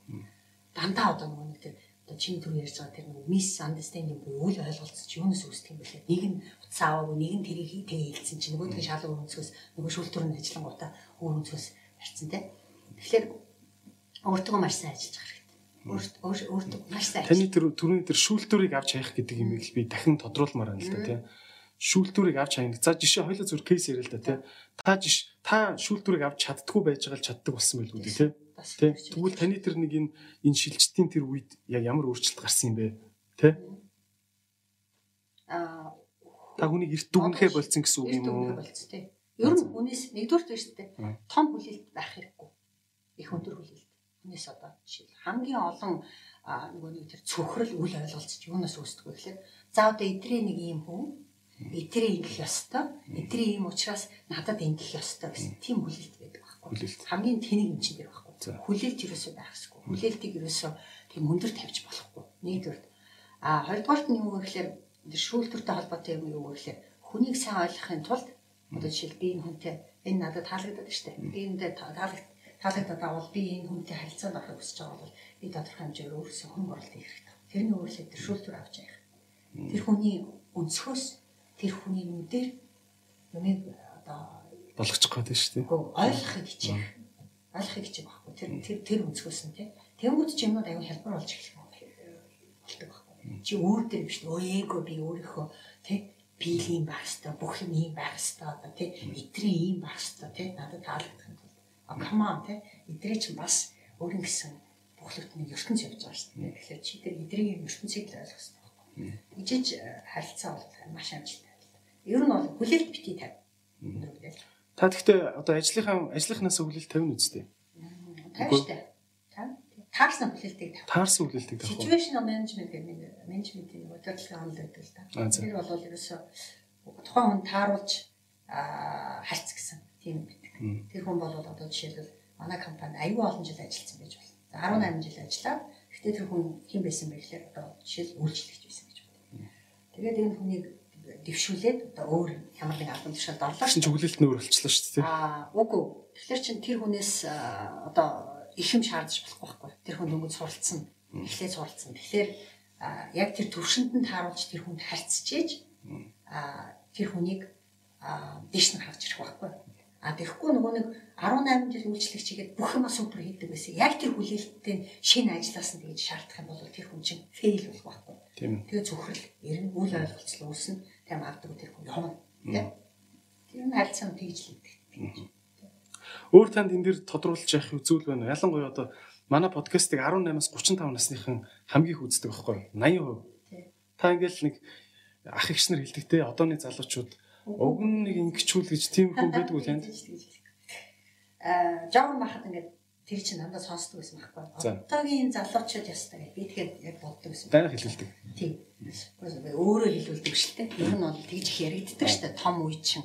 Тэгээ би өөртөө нэг ангаа таглан тавьсан гэх юм уу да. Би хизээч. Окей. Тэгж хэлэхгүй. Одоогийн залуучууд гэж ярихгүй. Би тэднийг ойлгохыг боддог. Би тэднийг нэг хэмнэлттэй, тэдэртэй нэг хэмнэлттэй амьсгалахыг боддог. Тэгжээж би илүү харилцаатай байна те. А хамгийн нөгөө EQ гэж ярьсан те гол нь шүү дээ харилцаанд амжилттай байхын тулд шүү дээ. Өөрийгөө сайн таних хэрэгтэй. Өөрийгөө маш сайн таних юм бол ерөөсөө уурлаад ах асуудал гарахгүй, хүнд гондоодох асуудал гарахгүй тийм. Тэгээ хамгийн чухал юм нь юу вэ гэхээр миний энэ дээр одоо хүмүүс зөвлөдөг юм юу вэ гэхээр хинтээч бити өөрийгөө харьцуул. Хинтээч хизээч бити өөрийгөө харьцуул. Чи бол онцгой. А хин нэгэн хүнтэй барьцалдаж чи гарч ирнэ гэх юм бол тэр бол маш том эндүүр. Чи бол сүүлдээ бол цөхрлөө явах байхгүй. Тэгэхээр чи өөрийнхөө маш сайн чаддаг юм аа олж ав. Хүн болгон чаддаг юм гэж байдаг байхгүй. Та гэхдээ та гэхдээ янаад яг наад үг чинь бол надаа айгу нэгдүгürt гой сонсдог мөртлөө нөгөө талаасаа бас жоо амьдралгүй байх магадaltaй юм шүү гэж бодогддог байхгүй. Жишээ нь жишээ нь яг чаддаг юм байдаг нь бол үнэн. Тэн дээр л марах зүйл байхгүй. Хүнтэй өөрийгөө харьцуулахгүй гэдэг юм тий. Одоо жишээ нь би stand up comedy хийж байхдаа би бол өөрийгөө аль болох Америкийн лаг комедиануудтай харьцуулчаа л идэг. Тэгэл би бүр хажууд нь өстой хог байгаа юм байна. Одоо ингээд сайжрыг энэ ямар лаг хийцэн бэ гэл ингээл санаа авал ингэж харьцуулж болохгүй гэж байна. Харьцуулаад чи тэрийг өөдрөг байдлаар тий вау энэ тест энэ надад таалагдж байна ийм байдлаар тэгж дээшээ татагдаж өсөх тийм юутай баггүй хөдөлгөөртэй. А тэгэхгүй чи Ингээд ахын бол энэ ч бол бүтээлч биш байхгүй. Чи бол өөрийгөө маш их өвөсгч гэсэн байхгүй. Зөв шүү. Тэгвэл бүтээлч байдлаар харьцуулж болно үстэй. Бүтээлч байдлаар харьцуул Та бол одоо жишээ нь өөрийгөө Oriflame-ийн бусад улс дэх одоо 60 хэдэн салбарын бусад захирлуудтай өөрийгөө харьцуулдаг уу? Энэ улсад Oriflame ингэж явж штэ гэдэг. Үгүй юу? Би гой санаанууд авах дуртай. Одоо жишээлбэл нэг газар нэг одоо бизнес санаа хэрэгжүүлээ тэр маш их амжилт авсан бол. Гэхдээ тухайн үеийн тухайн нөгөө соёл тухайн тэр улсын соёл тэр юунаас тий шалтгаалаад бол бас зарим нь Монгол тарахгүй юм бол байдаг л та. Гэхдээ тэр содон содон санаа нөгөө шүү дээ. Жишээ нь ямар гоё санаанууд? Нэр та гоё бизнесийн санаа хуваалцаач. Бизнесийн санаа юу? Тийм. Өөр өөр өөр орны орифлемийн захирлууд яагаад вэ? Онлайн дээр амар ажиллаж байна. За. Онлайн бол ерөөсөө үнэхээр бидний ирээдүй. Ерөөсөө ирээдүй ч биш өнөөдөр болчихлоо. Ойлгомжтой. Онлайн дээр тэгэл чи яаж хийж байгаа л түрүү нөгөө нэг хоёул ярьсан шүү дээ. Брэнд яаж болох уу те. Одоо бол ерөөсөө хинч брэнд болж болж байгаа байхгүй. Ингээл брэнд болж байна. Жохон ажиллаад, жохон хичээгээл Тэгээ Oriflame-тойгоо нийлээ бүр co-брэнд болж шүү дээ тий. Oriflame нараа, Oriflame зулаа болох уу? Болно. Брэнд яаж болж ийнө гэхээр жишээнүүд нь бол маш хурцтай яаж ийнө гэхээр амьдралын юм аяга болцсон. Амьдралын юм. Би өдөр өглөө босоод би одоо ингэж зөв юм хоол идчихэ би зөв юм хөдөлгөөн хийж байна. Би тэдэн цаг байна. Би ийм хүмүүстэй байна. Энэ харилцаа нэргээд миний бизнесийн орлого болж байна. Хамгийн амархан, хамгийн одоо энгийн л юм уу те? Прагматик. Чиглэсэн тоглолт биш. Аа, яг байгаагаар. Одоо онлайн дээр чинь би бол тийм нэг амар эксперт биш те. Би онлайн дээр бол жишээлбэл Instagram дээр бол зүгээр нөгөө надад хэрэгтэй мэдээлэл олж авах гэж би баг итгэхгүй шахуу тийм байдаг л та. Унших гэж юу болж байна яаж юм телевизэр үздэг а цаг амж байгаа байхгүй. Тэгээд хэрэгтэй мэдээлэл өөрөө суулж авч хараад тэгээд болоо. Та тэгээ гол цагаа юу зарцуулж байна? Түрүүнээс хойш аягүй цаг хэмнэх гэж ярьлаа тий. Аа зөндөө юм дээ. Одоо нөгөө хүн өөрийгөө нөгөө янз бүрийн өөрөөр байна тий. Одоо жишээлбэл. За ажлаас бусад цагаа та яаж? За бүр хувийн гэж ярил л да та. Та зөвхөн өөрийнхөө одоо биендээ зөрүүлж ямар ямар цагуудыг гаргадаг вэ? Хөдөлгөөн. Заавал ерөөсөн. Хэдэн хэдэн минут өөрийгөө хөндрөх хэрэггүй 30 минут. Шүүд стилтэй. Тий. Маш баунд хаад жишээлбэл тэр юу вэ штэ. Тэр өчнөө нөгөө миний дуртай нэг бас нэг сэт гэдэг. Даавруудын тухай. Тэ чи урд нь ер нь солирч ирсэн яаж гэсэн. Даавар үгүй. Сонсч байгаа. Тий нөгөө одоо хүн EQ EQ гэдэг нөгөө ярьлаа шүү дээ. Тэр чин ер нь юунаас шалтгаалдаг вэ гэхлээр ерөөсө бүх юм бидний эндээс шалтгаалж байгаа байхгүй. Энэ дотор чин бүх хэмнээ урамлуул явагдчих. Янз бүрийн нөгөө дааврууд тэр өдөртөд байгаа Тэнд ч өчнөө дааврууд байгаа. Янз бүрийн нэртэй. Тэгээд товчилж ярих юм бол бүгдээрээ нэг ингээ групп а аз жаргалын дааврууд байдаг. Аз жаргал гэдэг нь адреналин гэсэн даавар шүү дээ. Шинэ айс үед эсвэл тогтолсон үед аюул өндөр тунгаар ялгардаг. Тэнгүүт хүн чинь бүр бие ингээд бариад тэгээд урд өмнө хийж чадахгүй юм хийдэг гүйцэтгэдэг ч гэдэг юм те. тийм одоо даавар кортизол гэж байна. Одоо бид нар ч болохоор кортизол живээр ингэ сайхан явж шít. Яадаг даавар. Стрессийн даавар. Үнэс. Тэгээ бидний нөгөө бүтээлч байдлаас маань холтуулаад халаад байгаа байхгүй. Нөгөө нэг төрөө харилцаа хүний бити тэ өөртөө хайцуул гэсэн тэр юу ч юм ерөөсөө цэвэр тэр кортизолын тоолоонод явдаг. Тэгээ ад жаргалын даавар тэрийг нэлийн судалсан сүүлийн 2 жил бол ерөөсөө ганц хоёр топ зөвлөгөөнүүдээс өгөөч. Яавал ад жаргалын даавар нь илүү ялгараад. А серотонин гэж даавар байгаа. Тэр серотонин гэдэг даавар бол маш хүнд хэрэгтэй. А аз жаргалтай нийгэмд их тийм би хэрэгтэй гэж өөрийгөө мэдрэх тэр даавар ахгүй. Тэр даавар нь ямар тохиолдолд ялгардаг вэ гэхээр би хөдөлгөөн ихтэй маш өндөр тунгаар ялгардаг. Тэгээд тийм зөвлөгөө өгдөг байхгүй бүр. Чи дасгал хийчихэд ямар нэгэн том мөнгөн дүнтэй гэрээ хэлцэл бити хийгээрэй гэж. Тэгэхээр нөгөө тэр даавар их өндөр тунгаар ялгарсан учраас чи магадгүй тэн дээр өгөөмөр загнаад а мөнгө тавиад уучих ч юм уу тийм тохиолдол байдаг учраас. Тэгэхээр заавал хөдлөх хэрэгтэй. Тэгээ хөдлөхөд бол одоо хүн болгон өөр юм гэсэн тэр жолтол та зарим нь одоо бүжиглэх дуртай, зарим нь хүндийн юм өрөх дуртай тийм Миний хувьд бол би маш ирчтэй 30 минут алхах. Brisk walking. Тасаа нааша айгүй ирчтэй алхаж орж ирсэн шүү нэрээ тий. Тэр алхалтай байсан уу? Би чинь өмнө нь бол алхах хайдтай. Тэгэл тэр даавраад явж байгаа. Дараагийн нэг даавар окситоцин биш нэг даавар. Бас аз жаргал.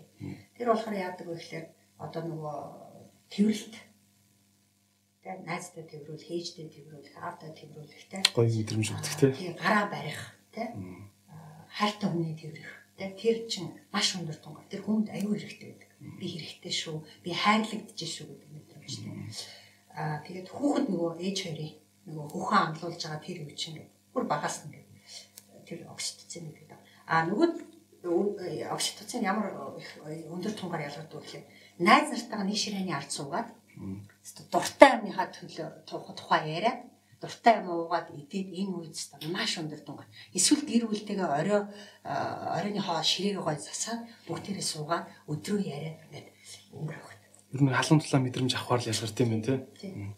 Тэгээ манайхан чи бас нөгөө би энэ нэг амар хайраа илэрхийлдэг халан гаднаа стилтэй те нэг тийм их соёлтой те.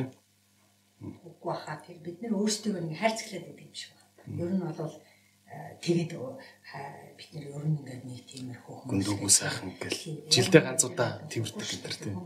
Тийм маш их хэрэгтэй.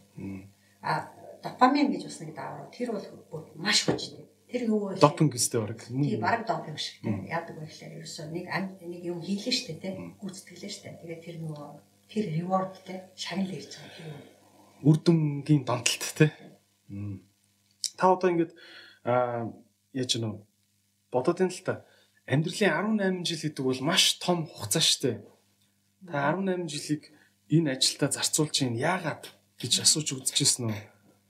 Үзчихсэн. Үнэхээр таны амьдралын ганц амьдрах амьдралыг чи 18 жилийг зарцуулах хэмжээний та үнц нь юунд байгаа вэ гэж боддөг вэ? Үнц нь бол нэгдүгürt би өөрөө тасралтгүй хөгжиж байгаа.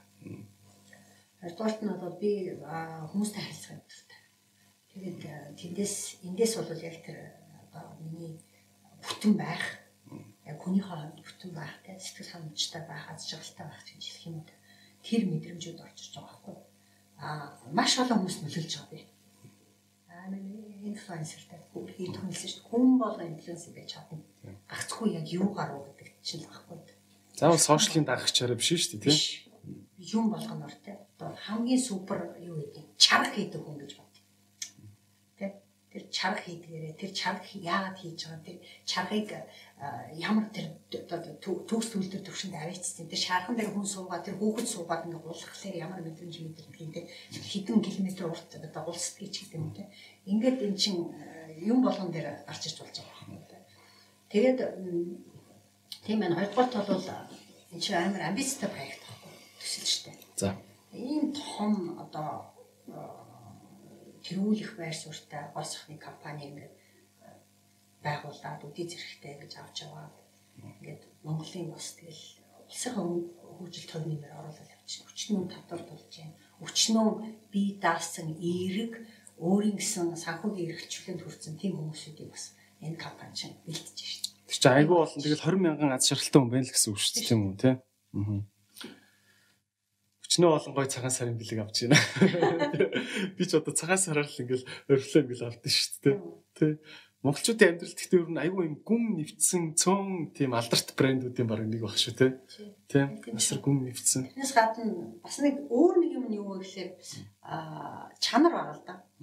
Чанаргүй байсан бол энэ компани ингэж 18 жил дэлхийд 50 гаруй жил оршин тогтсон. Тэгэхээр цаана чанартай бүтээгдэхүүн байна шведууд чинь тэн дээр бол нөгөө нэг фрик гэж ярьдагсан. Яг солиорцсон яг чанар дээрээ бүр ирсэн.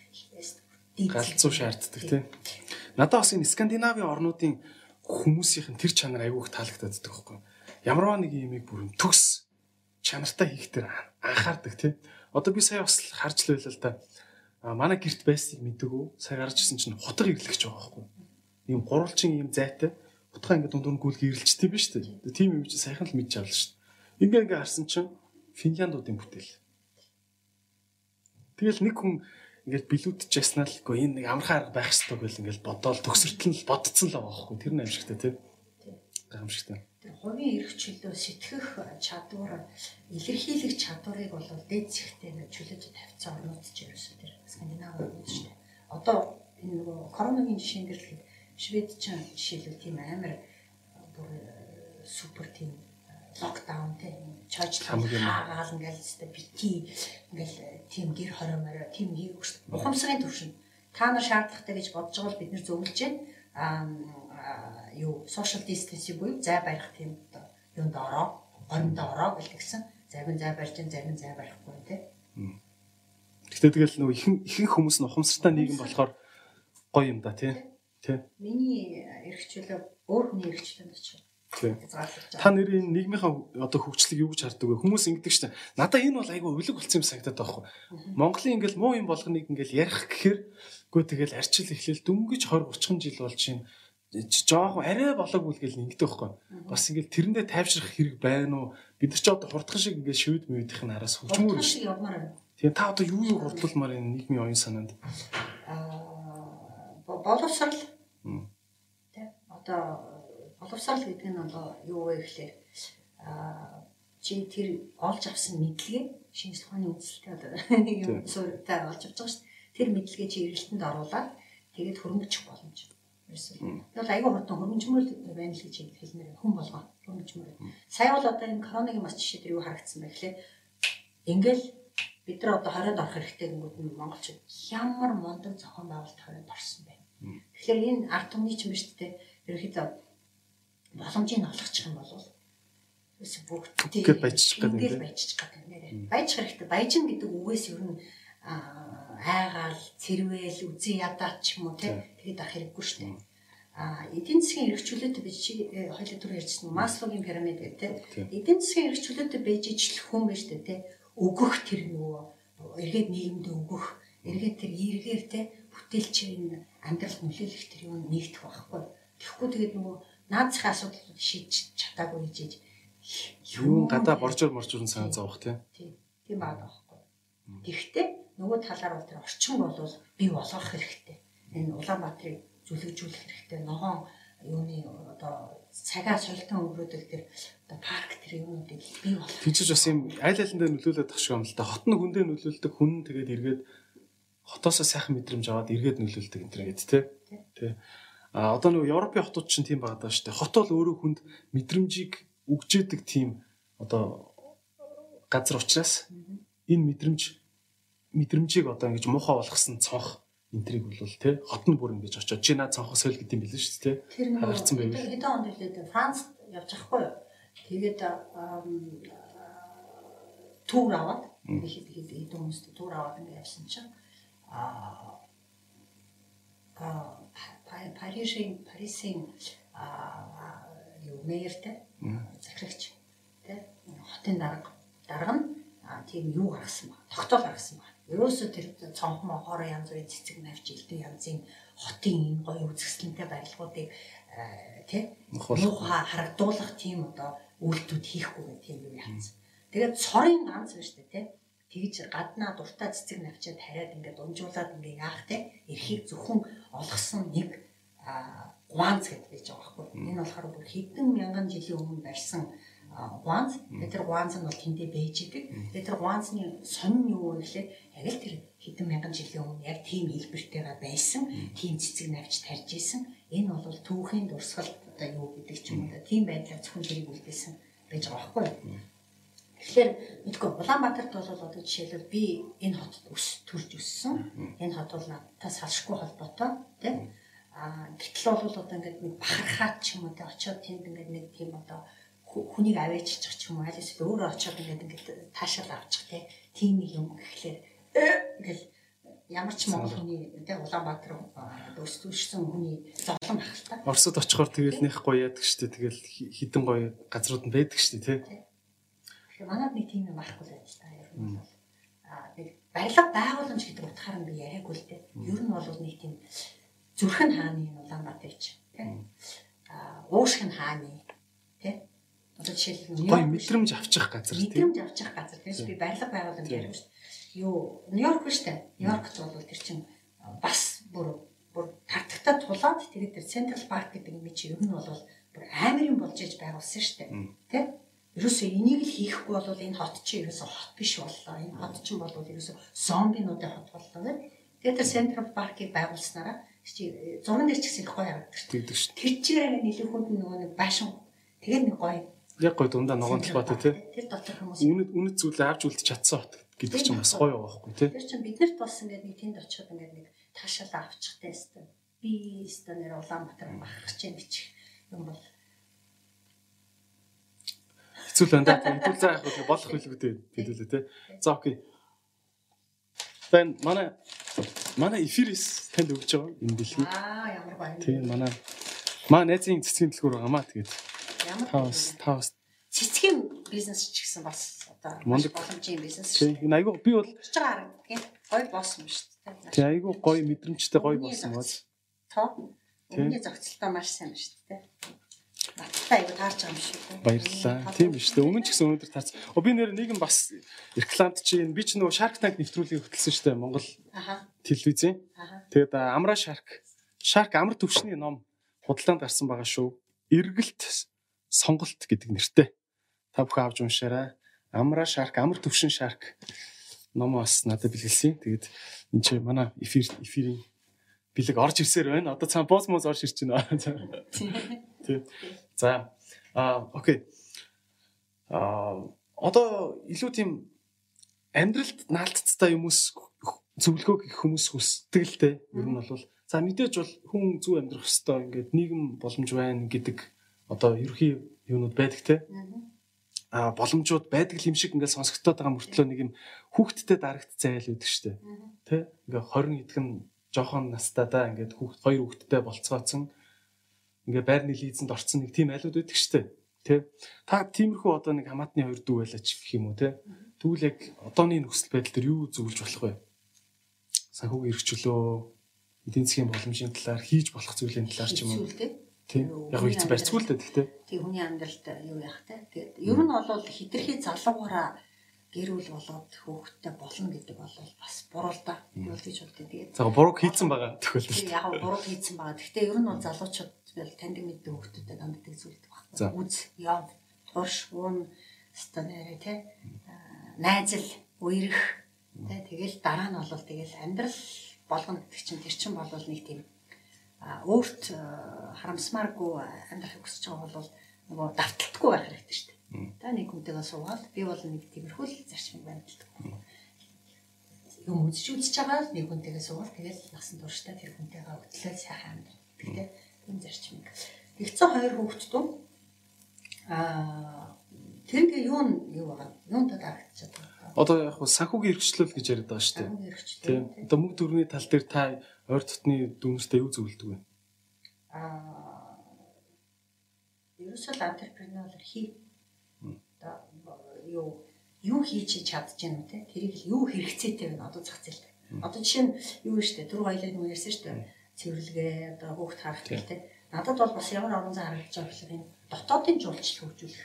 Одоо энэ коронавирус болоод ингээд э, баг манай жуулчдын 80 90% нь ирэхэд татгалцсан гэсэн штэ.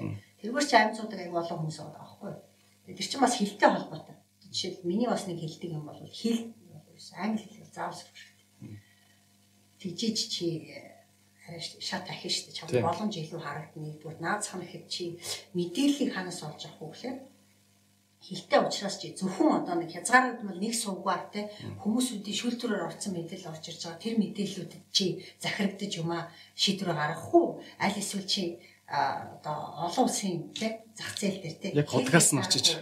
хил хязгааргүй их усүрээс нь чи тэр мэдээллийг авч те тэрийг чи өөрийнхөө болгож авах уу гэдэг юм биш. Дотоодын жуулчлал гэж юу гэсэн штэ өдөр чи нөгөө нисхийн инженер гэсэн штэ.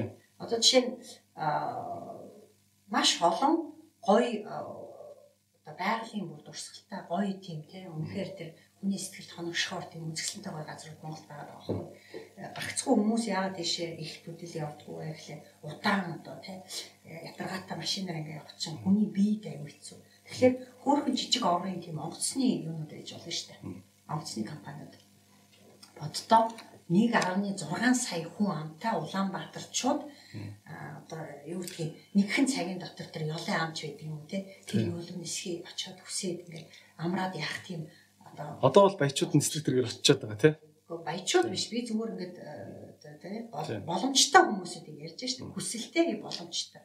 Надад бол мөнгө байгаа нь харагдсан л да. Би адилхан уучнан өвөл гадагшаа явахгүй тэгээ би тухайн үед чи хямрал мемрал гэдэг аюул юм ярьжсэн баг тэгээ харсан чинь бүх сэргэх цайг онгоцсон буудалтай. Бүх сэргэх цайг. Тэгээд хин голчлон явж байгаа гэхлээр дундаж насны залуучууд байгаа. Одоо чиний тэр яриад байгаа залуудаа шуудсан 2 3 хүүхэд гаргацсан тэр залуучууд чинь гадагшаа өөхийнхөө амралтаар явж штэ. Тэгээд надад аюу гой санагдсан тэр соёл бас байгаад байгаа. Юм үзэх хэрэгтэй, мөнгөө зөв зарцуулах хэрэгтэй. Тэгээд явж үзэх хэрэгтэй. Яагаад те? Энэ бол хин нэгэн хүний нөгөө нэг одоо чиний л хүний амьдралын хэм маяг биш шүү дээ. Энд хүн болгоны амьдралын хэм маяг болох ёстой байхгүй. Тэр сайжилсан, ажиллаад олсон, олсон юма зөв хуваарлсан. Хүүхд тасрагчаа дагуулаа явуулчихлаа шүү дээ, тий. Тэр бол миний юуны асуудал шүү дээ. Тэгэхээр одоо жишээлбэл тийм орон зай чамд бол харагдахгүй юм. Чи одоо инженер те хідэн одоо бага оврын те эсвэл жижиг оврын онгоцнуудыг ажилуулад флит ажилуулад те тэгээд ийм одоо супер үйлчлэгээ. Би бол одоо жишээлбэл миний одоо 6 сар төрсөн өдөр байна л да би бодож байгаа төрсөн өдөр яаж тэмдэглэх вэ сүртэй тэмдэглэдүүлдэ. Гэхдээ одоо жишээл тийм үйлчлэг байсан болвол яа үзсмэр л шүү дээ. Би тэрийг бодолтож аваад гэрийнхнийгаа суулгаад очлоо ёлын ам тэнд амар гоё тэр байгалыг харлаа ширлээ шинэ заслаа идлээ уулаа аз жаргалтай тэр чинь. Тийм. Боломж бол бас тиймэрхүү өнцгөөс харуул байж л шүү дээ. Та одоо ингээд мэдээж маш олон хүнд инфлюенс хийн гэж ярьж байгаа тийм маш олон хүнд нөлөөлж тийм. Маш олон хүнд нөлөөлж ажиллаж байгаа. Танд зүгээр вэ? Ийм зүү тогтлоод ажиглагддаг уу? Одоо ер нь зүү тогтлоод. Тий одоо ингээд хараал ахад хүн ихэндээ тэгдэм байх, дараа нь ингэдэг юм байна. Нэг юм хүний амьдралын фазууд тий хүн ингээд нэг анх мөнгө төгрөг олоод тэгэхээр уучраа олохгүй нэг жоохон тэгдэм байх юм уу тий би бас сануулчих гээд байхгүй одоо нэг дүнгийн амьдралаа эхэлж байгаа 20 эдтэй залуучууд те цааш явахаар энэ 10 хэдэн жилд чи ер нь иймэрхүү иймэрхүү юм болно шүү. Дунд нь нэг ингэдэж шүү ч юм уу те. Аа олны дундаас ажиглалт юу байдаг вэ? Ажилт ажиглалтууд ер нь бол тэгээд бүтлгүүд л дандаа байна. За. Тэрийг бол хүлээгэл авчих хэрэгтэй. Тэр нь бэлтгэлтэй авах хэрэгтэй. А гагцхүү бэлтгэл сайн хийх хэрэгтэй. Ямарваа нэгэн одоо жишээлбэл шинийг санаачилж байгаа ямарваа нэгэн төсөл байвал тэрийг одоо бэлтгэлтэй бүх талаас нь одоо бүх эрсдлийг тооцоолно гэж байхгүй шүү дээ. Одоо нэг тийм онл байдаг байхгүй юу? А appreciative inquiry гэдэг сонсч ирсэн үгүй. Тэр нь яа гэм бэ гэхээр ерөөсөө ямарваа нэгэн шин санаа, шин төслийг хэрэгжүүлэх амьдралд оруулаад амьдрал нэвтрүүлээд амжилт тоолох тэр одоо процесс хэлж байгаа байхгүй. Тэр явцад биш үү? Юу үүсдэг вэ гэхээр а дийлэх санаанууд судалгаа энэ ч бол шинжлэх ухааны судалгаад онлохгүй. Тэгээд юу юу харагдаж байна вэ гэхээр дийлэх одоо санаанууд төслүүд төрөг байхад ухчдаг, алчдаг байхгүй. Тэгээ тийм учраас одоо жишээлбэл хүмүүс аа наа чи худлаа юм байлээ би үтсэн тэг бүтээгүү гэж ярьдаг. Худлаа үтсээгүү гэж тийм. Тий. Тэр нь битгий. Гэхдээ жоох оролдож үзчихээ. Тэгээд нэг одоо анхны нэг янз бүрийн бэрхшээл ч юм уу одоо юу гэдгийг тэр нэг ингээл юм хайшдаг халгүй яах вэ ямар тий. Тэгээд тийм гарангууд нөгөө бүтэхгүй юм байна гэдэг яадаг. Тэгэхээр тэр нь сэтгэл зүйн хувьд бол ерөөсөө анханасаа за ийм бэрхшээлүүд одоо юу гэдэг солилтууд гарна. Тэгэл тэрийгээ бол ингэж давна, ингэж давна, ингэж давна. Тэгээд тэр appreciative inquiry гэдэг чинь ямар учиртай юм бэ гэхээр хүмүүс дөрөв бүлэгт багтж байгаа. эхний бүлэг нь ямар хүмүүс байдг вэ гэхээр fault finders гэдэг. Дандаа өө олгогч гэж байгаа. Өө олгогч. Ерөөсөө ингээл шин санаа ч юм уу, шин ингээд төслийг амарч. Гутлаас нардаг тий. Аа наад чин тийм дихтэй гэдэг дандаа дихтэй гэдэг юм байдаг байхгүй. Аа тийм За хоёр дахь нь болохоор юу вэ гэхээр нөгөө юунууд диктаторууд буюу дарангуйлагч нар тэд нар шууд no гэдэг. Би илүү мэдчихээн. Би наадах чи үтцсэн. Тийшээ чи бити яв. Тэгээд яагаад би тэр хүний юунд итгэх ёстой те би нэг үзсэн биш. Тэр хүн яаж оролдоод энэ дээр бүтлэг үтцсэн би мэдэхгүй шүү дээ те. Тэгэхээр тийм юм байна. Гурав дахь нь болохоор багш нар гэж байгаа. Тэр болохоор дандаа үгүй гэдэг хариулт хэлдэг. Гэтэ үгүйг аюугаа тайлбарладаг. Үгүй яагаад гэвэл эн чинь ийм яагаад гэвэл эн чинь тийм ч гэдэг юм те. Аа тэгээд итгэл авдаг те. Бүрхийн нөгөө беби байгаа санааг. Тийм. Тэгээд дөрөв дэх төрлийн хүмүүсүүд нь юу вэ гэхээр яг тэр нөгөө нэг appreciative inquiry өгдөг хүмүүс байхгүй. Yes нийлт төлөж авч байгаа. Тий наа чи ямар гоё. А ингээд бас ингээд үсчих болох юм байна. Тэгээд үсчих болох юм байна. Ингээд ийм одоо тий хандлагатай байх юм бол ямарваа нэгэн төсөл, ямарваа нэгэн санаа амжилтанд хүрэхээс наагур өөхөх магадлал нь багасч байгаа байхгүй. Айгүй олон төслүүд, айгүй олон тийм гоё бизнес санаанууд бол ерөөсөө л нэг юм болж тийм юмас болоод бодоо болдог байхгүй. Тэгэхээр тийм хүмүүс чам зөндөө таарлтна. Диктаторууд таарлтна, үүсгэгч нар а өө хайгч нар олдно. Өө хайгч нар бол битүү шүү дээ. Хайгч нар тий байна. А чи болохоор тэр нөгөө нэг appreciative inquiry хийдэг тийм юм дээр л тийм хүмүүстэй нэгд тийм хүмүүсийн зөвлөгөөг сонс. Тэгээд урагшаа. Аа. Тэгэл ийм зарчим болж. Танд одоо ингэдэг үү? Ер нь та бол ингээл өчнөө олноор олон орноор яваал байлгүй те энэ олон жил. Тэгээд ингээ явж байхад мэдээж та бүх бизнесийг хийхгүй нь ойлгомжтой. Гэхдээ нэг бизнесүүдийн санааг ингээл энд тараал яваад идэг шүү дээ те. Та ингээ Монголдоо ингээ за хүнсний дэлгүүрээр ч юм уу явж байхдаа нэг хардаг юм олонтаа хардаг алдаанууд байдгүй. Одоо очиж эсгий тавчих та одоо хийх хайшин гэхдээ энэ хийж байгаа хүннийг ингэчээсэй ч гэж боддог ч юм уу те энэ нэг Монгол хайрцагтай цай уг нь гоё юм гэхдээ уг нь шивэдүүд энэ чинь бүр гоё хийцэн байт юм да гэдэг ч юм уу ингээд нэг ер нь бол манайхны нэг том алдааны үг гэхлээр одоо бид нар чи их ярьдаг шүү дээ. Одоо амар их махтаа тэгсэн мөртлөө махаар одоо нэг дэлхийн цогцолтой болчихдоггүй нэг ярьдаг шүү дээ. Тэгэхээр нөгөө хүн худалдаа авалтыг биш шүү дээ сэтгэл зүйн нөгөө сэтгэл хөдлөлийн төвшөнд гүйцэтгэдэг байхгүй. Үйлдэлж ерөөсөө тэр тэр таалагдах ёстой тэр хүний ингээд одоо шүтэн бишэрдэг таалагддаг юм ин л ингээл очил хөдлөгч ёстой байхгүй. Тэгэхээр тэр худалдаа авалт хийгдэнэ. Тэгэхээр манайх нь яадаг вэ гэхээр нэг тийм Монгол маягаар сэтгэгээд Монгол өнцгөөс одоо ингээл бид нар ийм л монголчууд бидний ийм мах сайхан тэгэл ингээл авахгүй бол тэгэл хогчин штэ гэдэг тийм сэтгэл зүгээр яа. Нэг ойлгохгүй хүнийгээ болохоор өстой соёлоо хөндлсөнгүү. Үлцгийг ойлгохгүй байна гэл. Тэмдэглэг заяа бид нарыг чи юу өстой яахгүй байдаг тийм барж идэхгүй ч тийм ойлгохгүй ч тийм тийм. А тэгээд зүгээр Японы жишээг аваад яхав те. Япон бол ерөөсөө ингээд бүр ингээд нөгөө стандартыг чинь бүр ингээд яаж баримталж болох вэ? Швед ч бас тийм шүү дээ. Стандартыг бүр нэг солиорлын төвшөнд яс хийгддэг. Тийм учраас ингээ хөгжөөд дэлхийн ийм супер орнуудын жагсаалтанд дандаа л яваад байгаа. Чинээлгүй чинээлэг. Аз жаргалтай бол аз жаргалтай яригдэн тийм. Ийм байна. Тэгсэн мөртлөө хамгийн өндөр татвар төлдөг гэдэг байгаа шүү дээ. Аа Японы жишээ бол юу вэ гэхээр ерөөсөө ямарваа нэг юмыг танилцуулах хэлбэр нь маш гоё байхгүй. Одоо чи жишээлбэл надад ингээд шалган цэцэг хэлсэн бодоо тийм би бол гайх штэ. Өө эн чинь эдрээ жоохон чип юм уу байгаа үсттэй.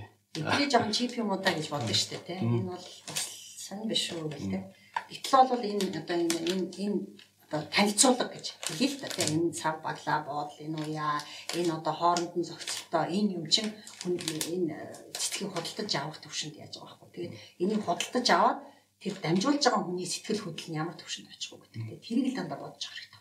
Тэрнээс ааста бүдүү хатуу гэж хэвээр. За яа тийм ээ. Та таны бүтээгдэхүүн тийм л лаг юм бол хүний сэтгэл хөдлөж чадах уу гэдгийг л асуух хэрэгтэй байна тийм.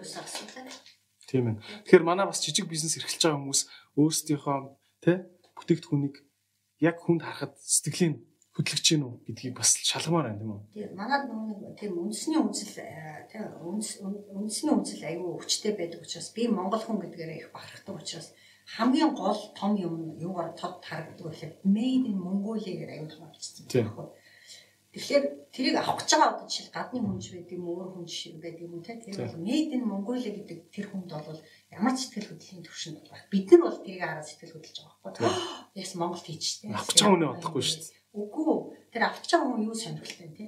Тэр дотор нь юу байгаа юм те ямар одоо үнэртэй ямар үзмжтэй энийг би аваад гэртээ очивол энэ хүн энэ юм чинь надад ямар сэтгэл э, одоо хөдөл авцрах уу ямар таашаал авцрах уу гэдэг тэр үнсгөөс нь л харж ястаа. Хийж байгаа юм зориулж байгаа хүндээ л таалагдах төвшөнд юм а сэтгэж ястаа байхгүй. Тийм ээ. Тийм ээ.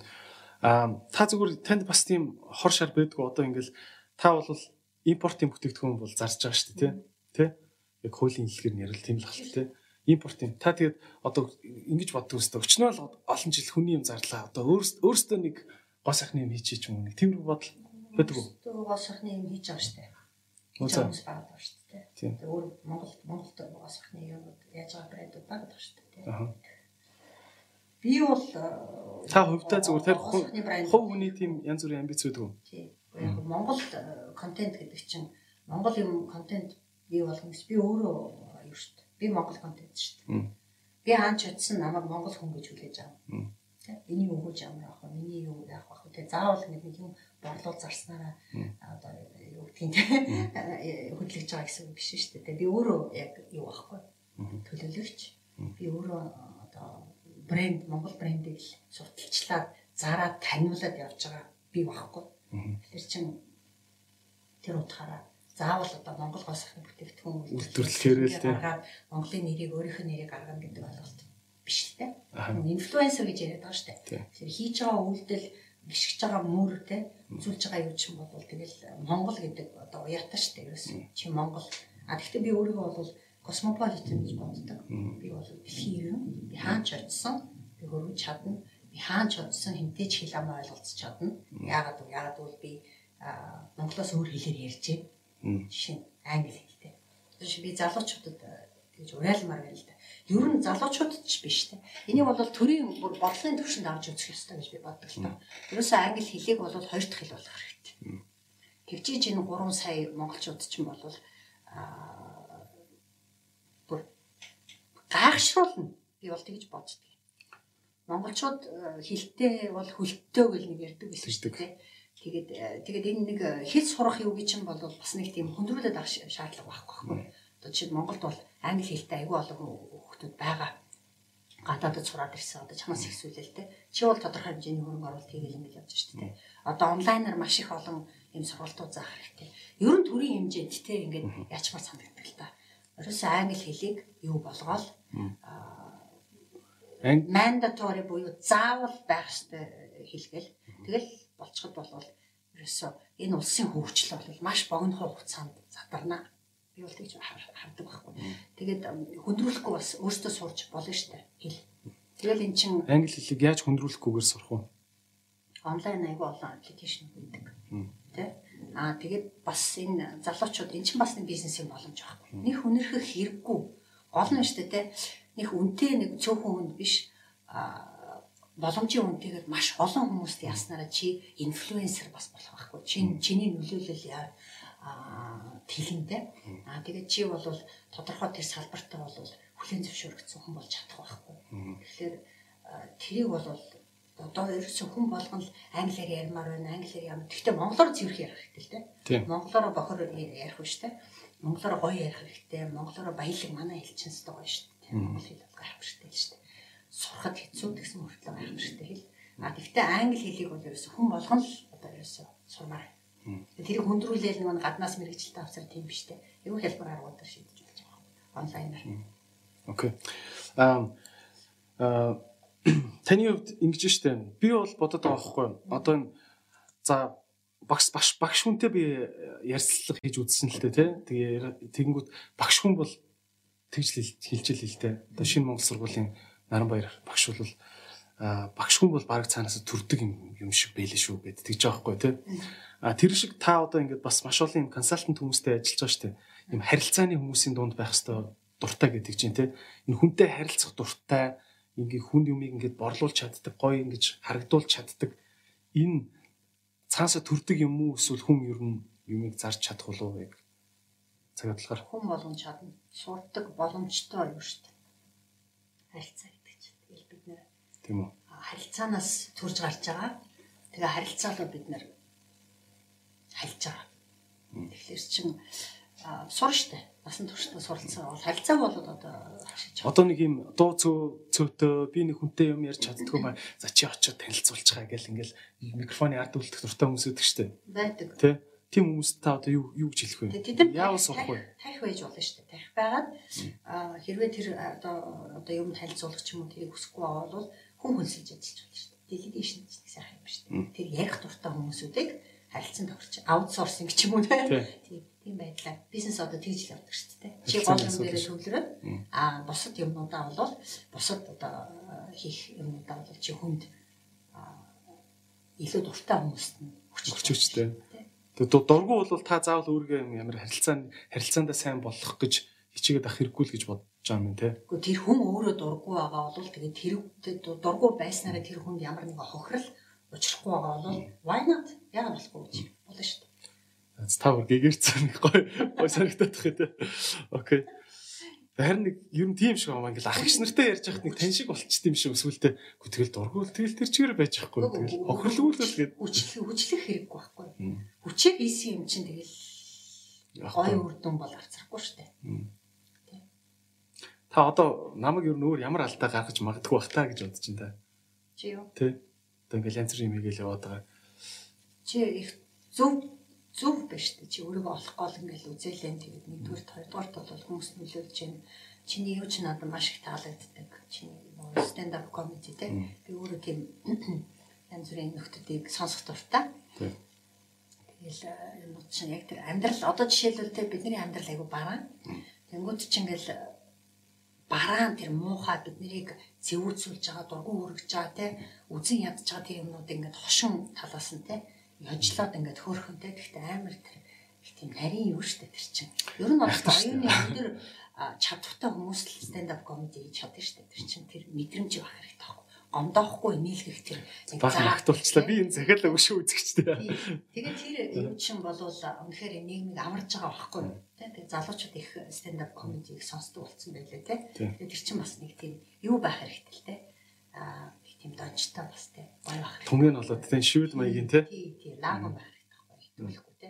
Нэг характер доош орохгүй. Тийм. Тэгсэн нэг характер бүр тасарсан юм ярихгүй мөртлөө. Гэхдээ амьдралыг ингээл яриад ангууд чи хүмүүс чи нэр бодно шүү дээ. Шүлсээ хайдаг нь муухай гэдгийг гоё ажиллавал хэлчихэнгүүд чи нөгөө нэг чиний ярьж байгаа нөгөө бүдүү хатуу өстөө нэр ийм одоо юу тий Нартай. харилцаа энтергээл тэр чи ингээл ярьцлаа болчихгүй нэрээ тийм шүү гэл хүн чин хөндрүүлж хүлээж авах болчихж байгаа байхгүй. Тэгэхээр чи нөгөө хүлэн зөвшөөрөд а хүлэн зөвшөөрнө гэдэг нь цаашаа явах вэ гэхэлээ засрах тийм юм хийхгүй ах ч гэдэг юм те. Тийм үйлдэлийг а эвлэрэхгүй ах тэр юм. Харилцаан дээр яг яг наад асуудал чи их асуудал болдог юм шиг байна те. Хүн энд уг нь зөв санаатай байгаад байдаг.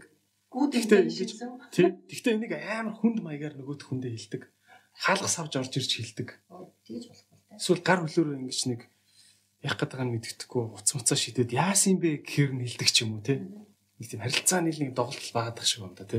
Доолдол биш л те. Нүн түрүү миний хэлжсэн нөгөө тэр хүнийхээ байран дээр өөрийгөө тавиад үзэлтэй те. Жишээлбэл одоо чамшиг юм нээлттэй юмаа чөлөөтэй илэрхийлждэг ийм хүнтэй ярих нэг өөр байхгүй. Одоо жишээл би шууд хэлнэ штэ. За эдрээ чиний эн чинь эн чинь болохгүй байна. Нөгөө constructive feedback буюу ажил хэрэгч нөгөө зөвлөгөө өгч байгаа байхгүй те. Үнэлгээч гэдэг юм те. За чиний энэ эн чинь ерөөсө болохгүй. Гэхдээ feedback хөө штэ те. Тэр зөвлөгөө юм уу үнэлгээ өгөх чинь загвар байдаг байхгүй. Шууд нөгөө нэг шүмжлэх эхэлж болохгүй гэж байгаа нөгөө сул талыг ярихгүй. Эхлээд яах вэ гэхээр чиний хийж байгаа юм чинь болсноо бүтсэн үү, зорилгодоо хүрсэн үү гэдэг. За. Окей, чи одоо ингээд зорилго чи юу байсан те? 100 хүн цуглуулчаад тэгээ 100 хүнийг нийлгээд одоо юу гэдэг те тодорхой хэмжээний бас нөгөө бизнесийн ажиллагаа явуулж байгаа ш. Тэрэндээ хүрсэн үгүй.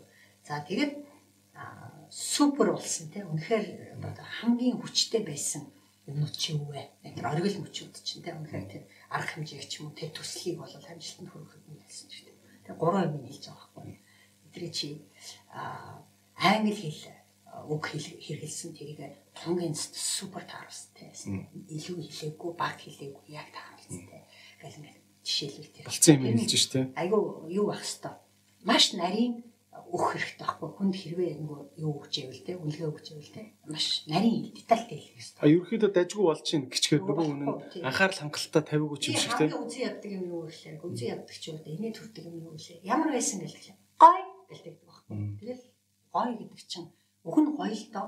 Уг нь өөрөө гоё байхгүй сөрөг үг биш те муухай үг биш. Тэгсэн мөртлөө хоос хоос үг байхгүй гоё. Тэгэхээр хийсэн юмд урамгүй те зүтгээд хачаа. Ямар шас бол ерөнхийдөө айгүй нарийн үг жаах За тэгээд гурван яг тэр суперыг нь хэлээд тэгээд дараа нь гурван сайжруулах юм хэлэх байх. За чи хамраа бодсон шүү. Хөр. Хамраа ямар их оролцсон бэ? Тэр их илүү харагдсан. Мухаа харагдчихлээ гэх гэдэг ч юм уу те. Яг яг бүр ингэ тодорхой тийм ээ. Тэгэхгүй бас хүнд заримдаа шууд ингэж болохгүй байгааг нь хэлчихээр бас жоохон сэтгэлээр унгачдаг ч юм уу те. Харилцаагаа эвддэг ч юм уу. Наа ч бас их зөвүүн аргагүй шүү.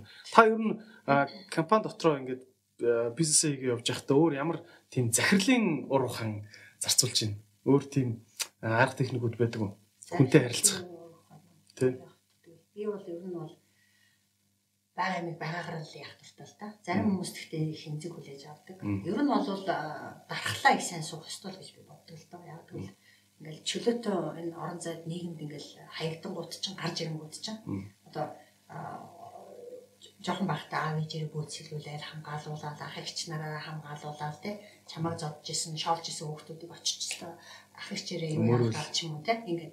За тэгээ чи э, юу л эрхчлөлт амьдрал тэр хүсээд байгаа тэмүүлээд байгаа нөгөө хүмүүс чинь тэгдэг шүү дээ. Би ч гэсэн тэгж өстэй.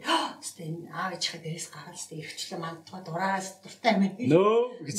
Нөө яг жинхэнэ амьдрал дээр чиг ажилла хийх өстэй жинхэнэ нөгөө нэг тий бүх хэцүү асуудлуудтай өөрөө тулгарч байгаа юм чинь. Тэгээд ер нь бол одоо нөгөө нэг хүмүүс хоёр хэсэг багтдаг гэж байна л да. За. Аа хүнээс урам авч хөдөлдөг, бүтээдэг, өөрийгөө илэрхийлж чаддаг. Аа нөгөө хэсэг хүмүүс нь болохоор боловсрцсан өөрөө өөрийгөө өдөрөнд явчихдаг тийм. Хүнээс одоо жишээл магтаал загтаал шаарддаг. Сэтэлжүүлэлт хэрэггүй. Тэрөөсөө хэрэггүй сэтэлжүүлэлт хэрэггүй тийм хүмүүс хоёр л тийм хэсэгт багтаж байгаа байхгүй. Тэгэхээр би болохоор нөгөө хэрэггүй сэтэлжүүлэлт хэрэггүй байхгүй. Тэнгүүд чинь би яах вэ гэхээр автоматар те шууд автоматар надад цаанаасаа одоо ямар юу хариуцлага ирчихэж байгаа гэхээр бусдыг сэтэлжүүлж юм. Урам гэдэг. Тэнгүүд нь тэгэл тэр урам өгөх юм. Урам өгөх чинь бас зарим дандаа магтаад байж болохгүй дээ. Магтахаар ч юм чинь бас нөгөө газар доорх байсан нөгөө юу биш ээ. Хөлн доор байсан газар хооллоо. Суурь алга болоод тэнгуүч хөөд эхлэнгүүд чинь тэгээ дараа нь амар чам унаа штэ. Унаад тэгээд юу болох вэ те? Аимшигтэй болно штэ. Тэгэхгүй тулд нь бол дарах цагт нь дараа дарах нь болохоор юу вэ гэхлээр дархлаа суулгаж байгаа гэсэн үг л те. Хатуу хөтөг сонсох юмыг одоо жишээлбэл бүтлгүүцсэн бол тэрэн дээр өөрөө дүн шинжилгээ хийгээд юунаас болоод би бүтлгүүч вэ гэдэг гаргаж ирж байгаа. Юу яа. А дүн шинжилгээ тэгээд тэрийг ярина тэр явцад яадаг вэ гэхээр нөгөө юу гарч ирдэг байхгүй. Би адгийн шар, би бүтлэхгүй, би өөдгүй учраас ингэсэн биш. Зүгээр ийм нэгдүгээр бэлтгэлээ хийгээгүй. Урчсан бэлтгэлээ хийгээгүй. Тэрийгээ яагаагүй, тэрнтэйгээ яриаггүй, ингээгүй. А нөгөө гол найдсан хүмүүс маань а урч хүн шоодод тэгээ шалтаад алга болцсон ч гэдэг юм тийм. Тиймэрхүү нөгөө жижиг сажиг амар тэнэг алтаануудаас болоод юм бүтлгүүд чи ээ гэл тэ нөгөө хорвоо ертөнц дууссан. Надаас болцсон би бүтлэхгүй гэдэг нөгөө өөрийгөө ингээд зэмлээд ингээд буруу шагаад тэгсээр байгаа нөгөө өөртөө итгэх итгэл тэр нөгөө өдөлтөй алга болгочихж байгаа юм. Тэгэхээр тэгхгүй тулд нөгөө нэг маш сайн тийм конструктив байдлаар ярилцаад ингүүд чи би биш юм биш үү те яг би дутуу төлөвлөсөн те би дутуу бэлдсэн тэр чи байхгүй тийм тэр чинь менежментийн онолд юу гэдэг вэ гэхээр yes to person no to problem гэж ярьж байгаа юм л да. Тэгэхээр нөгөө тэрийг тусгаарлах хэрэгтэй. Яг тэгвэл одоо жишээ нь алдаа хоёрыг ялгаж салгаж өгч байна. Тусдаа бас таахгүй. Хүн бол би чам таартай те. Би чам үнэхээр чи надад те те. А энэ ажил яагаад ингэ нурсан бэ те? Энэ юунаас болсон бэ гэдэг хоёулыг ярилцъя. Чи муухайдаа биш, чи муудаа биш. Чи арчаагүй биш. Чи алдаа юм те. Төлөлтийн алдаа бас учраас. Тэгээ амархан засч болох юм байх чинь те яг юм хүн хүнтэй бас юм зөв ярилцах бас арга ухаан гэдэг чинь бас яг нэг ямар ч том жижиг хамаагүй бүх бизнесийн эрхлэгчтэй юм те маш сайн эзэмших чадвар юм шиг санагдаад байна л да цагийн хугацсан те та өөр ер нь бизнесийг босгож ирж байгаа хүнд за энэ харилцаанаас гадна өөр ямар одоо зүйлийг ухаарж явах нь алстаа тустай гэж боддог бай. За яг нөгөө нэг юунууд байна шүү дээ. Одоо ийм мэтийн нөгөө харилцаа гэж байна. Нөгөө төгөр тооцоо. Маш нарийн тооцоо байх хэрэгтэй. Тэгээд одоо хөрөнгө оруулалтаа хаашаа яаж хувааж хаашаа зарцуулж яаж юу руугаа илүү орж иж тэгэл нөгөө паретогийн зарчим гэж сонсон биз. Тийм 20 80 зарчим гэдэг юм байна тийм. За. Тэгэл гих мэдчлэн ийм юмнуудыг бас аюу сайн тооцоолох хэрэгтэй байхгүй. Тэгэхээр ямарваа нэг юм амжилттай болгож байгаа тэнд чинь маш олон хүчин зүйлүүд нөлөөлж байгаа тийм. Нэгдүгээр хүн байна. Хоёрдугаарт одоо хөрөнгө байна. Гуравдугаарт одоо техник байна тийм. Тэгээд дөрөвдүгээрт нь гадны хүчин зүйлүүд тооцоолоод жишээ. Сая ингээл бизнес эхлэх гэл ингээл яг ингээл эхлээл яасан чинь корона болцсон тий. Тэнгүүт нь яах вэ тий. Гэх мэтчлэн ийм одоо юмнуудыг маш сайн эргцүүлж бодох хэрэгтэй байхгүй. Тэгээд ямарваа нэгэн юм чинь бол харцаа ингэж юм байхгүй штэ. Тий. Юм чинь тийм учраас нэг солонгочин солонгын налон байдаг тий.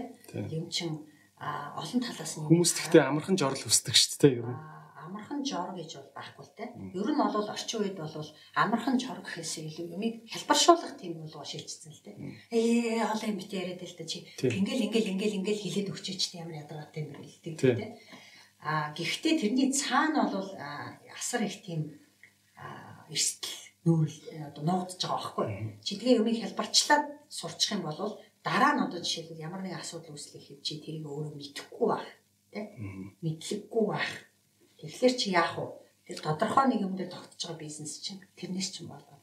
Заримдаа заримдаа төвхтөө олон шалтгаантай юмыг бүр нухад судлахаас л аргагүй л гэж хэлж гин үү та тийм. Өөр утгалдаа өөр ханцуугаа шамж орж утгалд шумж байгаа л хүнд биш үү чи мэдхгүй юм а заана гэдэг бол тэр шиг хөдлөө байхгүй шүү. Юу гэж ярих юм.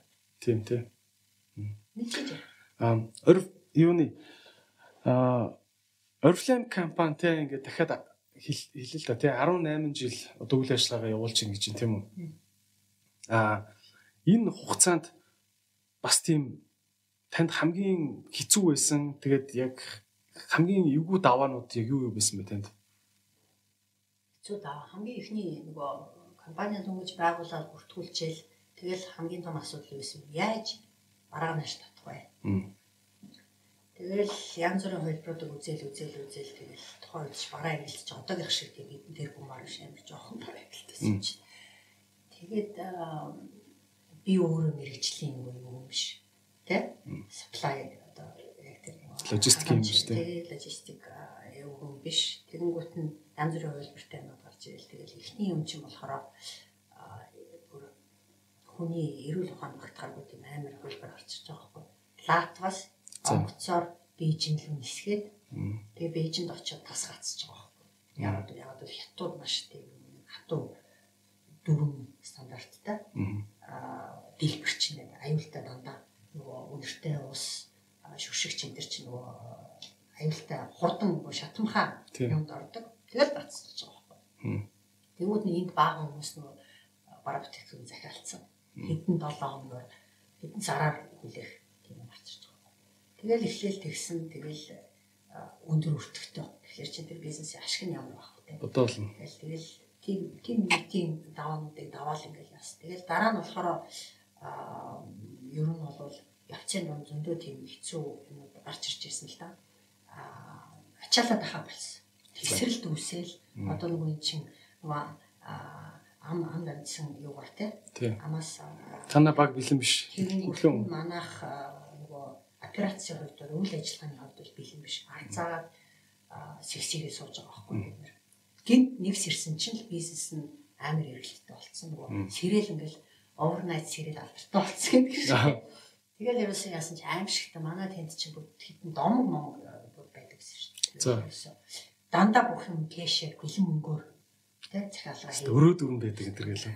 Аимшигтай бүр хитэн тэр циркийн тэнд чинь бүр ингээд мушгиралцсан очир моочир тэгэл хүмүүс бүр гайхал юм даа уруулын бодог авах гэж ингэж хүн оочлон гэдэг өстой нэрээ ямар тийм юм бэ гэлээ. Тэгээд тэр тэр юмнууд чинь бол тухайн үед бол ингээл бизнест бол тийм юмнууд хүртэл бэлэн байх хэрэгтэй гэл. Тэр айгүй олон бизнесуудын ингээд туршлагаас ярьж байхад гэл ингээл жоохон яваал жоохон яваал гэсэн нэг өдөрс ирсэн чинь хэрэг харилцагч нартай бүтээгдэхүүн хөргөж өгч чадахгүй болсон. гэдэг нэг жижигэн бэкери ажиллуулаад тий. Тий. Тэнгүүт чинь гинт өсөлтийн үе байх нэ тий. Байна шүү.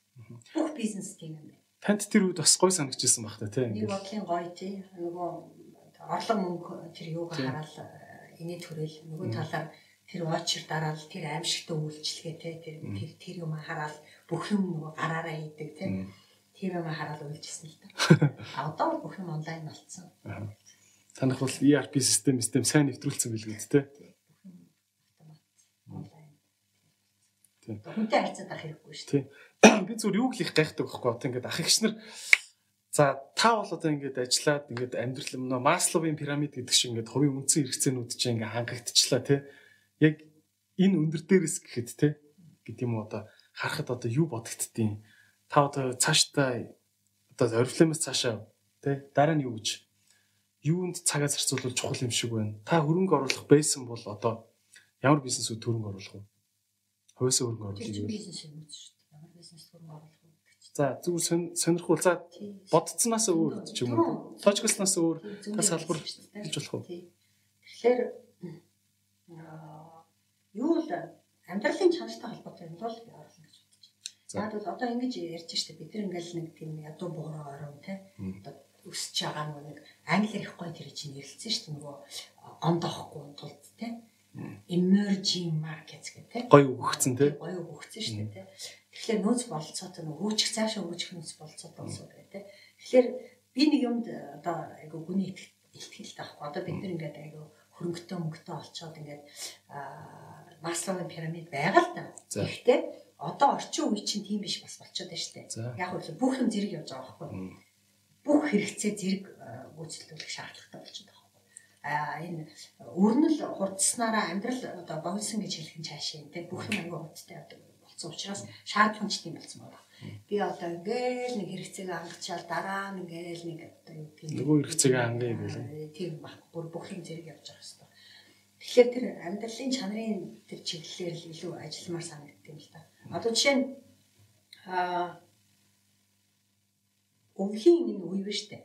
Одоо энэ өвлийн үе биш үү? Одоо нөгөө халаалт хизээ өгдөг лээ. 9 сарын 9 10 сард хүлээг өгдөг лээ. 9 сарын дундуур ч юм уу те. Тэгээд 5 сарын ихээр болдог шүү дээ.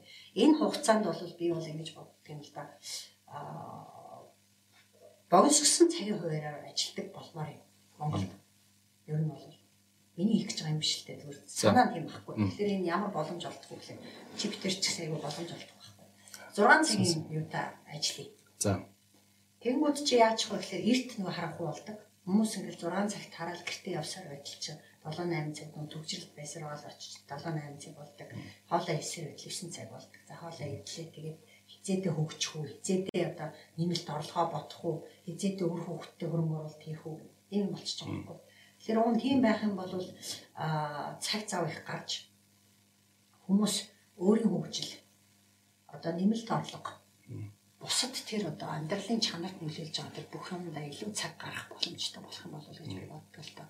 Тэгэхээр тэр чиглэлээр чухам энэ нөгөө шийдвэр гаргадаг хүмүүсүүд нь боддөг юм уу тэ надад бол тэр айгуу энийг дагаад ямар бизнесийн боломж үүснэ гэж бүх бизнесийн боломж үүснэ шүү дээ. Одоо жишээлбэл энэ цаг их болсонтой холбогдуулаад хүмүүс яах вэ? Илүү одоо биеийн бэлтэр хөгжүүлэлтэн дээр анхаарна. Тэгэхээр энийг дагаад нөө фитнес гэх юм уу тэр тэр хөдөлгөөний чиглэлээр ажилладаг багш нарын бизнес нь өснө. За дээрэс нь хэлний мэдлэгээ сайжруулах хүмүүс. Тэгэхээр чи хэлний мэдлэг одоо хэл заадаг хүмүүсүүдийн бизнес нь өргөж өснө. Эдийн засгийн өөрөөр хэлнэ. Гэр бүлдээ илүү цаг гаргана. Илүү ном уншина одоо тий илүү мэдээллийг судлана тэр тэрүүгээрээ илүү их юм хийн бүтээх тэр юунууд нь санаанаа төрөх байхгүй. Бизнес гэдэг чинь ерөөс санаа шүү дээ. Санаа төрнө тэр санааг хэрэгжүүлнэ. Эсвэл тийм л юм аа. Тэгэхээр ингэснээрээ бол илүү их цаг бол бид нэр өстө найраа байхгүй. Тэгэхээр цагийг ийм байдлаар ухаалгаар зохицуулчих юм бол маш олон монголчууд, маш олон залуучууд илүү цаг гартай. Гэхдээ тэрийг хоосон өнгөрөө биш те. Яг юм бүтэлч байдлаар өнгөрөөл илүү. Одоо тэгвэл та юу та хөгжин гэж би боддог шүү дээ. Та юу гэж бодож байна? За одоо ингээд энэ ковидын үегээд бүтэн одоо жил одоо ингээд бүгдээрээ сайхан хийх ажилгүй хөвтөж штэ. Зарим нь тэгж хийх ажилгүй хөвчлээ байгаа. Зарим нь Тий. За хийх ажилгүй байгаа залуучууд байгаа штэ. амар завтаа болцсон гів гинтхэн.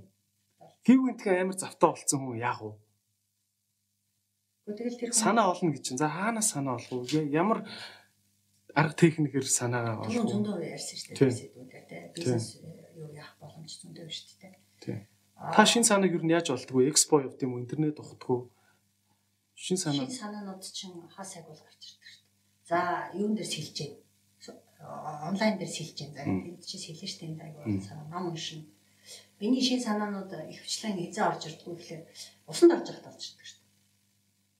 Тим санаа чи хамгийн бест гэдэг гэж ярьдэн уг нь. Тэ? Шүсрэлт орж явах гэх аягүй гой санаанууд орж ирдэг штэ. Ингээл тэ илүү нөгөө бүтэмжээ сайжруулах ч юм уу тэ илүү эсвэл одоо баг хөрөнгө оруулалтаар тэ хөрх юм хөрх төслийг хөгжүүлэх ч юм тэ. Нэрээ би анхны анхны ярьжсэн л байгаа нэг эргээ очисмоор байна л да. Та анх яаж одоо Oriflame-ийн тэр хүмүүстэй холбогдсон юм ер нь? Oriflame компанид яаж холбогдсон та?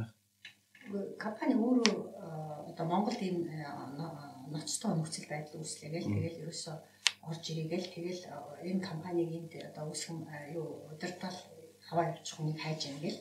Та зар хараал яасан зараар холбогдсон. Хайлтаар нь тэгэл холбогдол тэгэл. Үгүй тийм үү? Ярилцсанд ороод хамгийн энгийн хамгийн байж болох тийм үү? very simple. Та энийг бол бас аз гэж боддөг үү нэг бодлоо. Аз гэж бодохгүй яхаа тэр чи одоо ингээд амар том компани мангар том зах зээлийн боломжийг нэгэ ороод ирэхдээ та ингээд оо гэл шууд нэр олбогдсон юм шүү. Тохиолдлын юм гэж байхгүй шүү. Бүх юм чинь цаанаас ингээд учирч чадсан гэдэг юм чинь тэгэл би тухайд юу хайж исэн өөрийгөө илэрхийлэх ажиллаж болох тийм салбарыг хайж исэн тэгэл бүтээгдэхүүнийг хэрэгжилж исэн юм чинь. Бүтээгдэхүүн надад таалагдсан. Таалагдаагүй байсан бол магадгүй би энэ саналыг бол тоохгүй байх гэсэн. Тийм бах тийм. Бүтээгдэхүүн таалагдсан тийм. Тэгэл яасан да. Тэгээд чин Америкс дөнгөж эргэж ирээд бас аа ер нь бол хийх юм хайж исэн л ба. Би чинь мэрэгчлэр ерөөс ажиллаад явж байгаа. Америкт та юу гэсэн юм нэрэ? Америкт ёстой жинхэнэ өөрийгөө хөгжүүлсэн гэх үү те. За чөлөөт дуртай амаа хийгээд, дуртай амаа идээд, дуртай амаа үзээд, дуртай амаа фокуслээд. Тийм. Ер нь бол тийм өөрийн гэсэн юу өгчлийн юм дээр. Аа. Өөртөө ажилласан л та.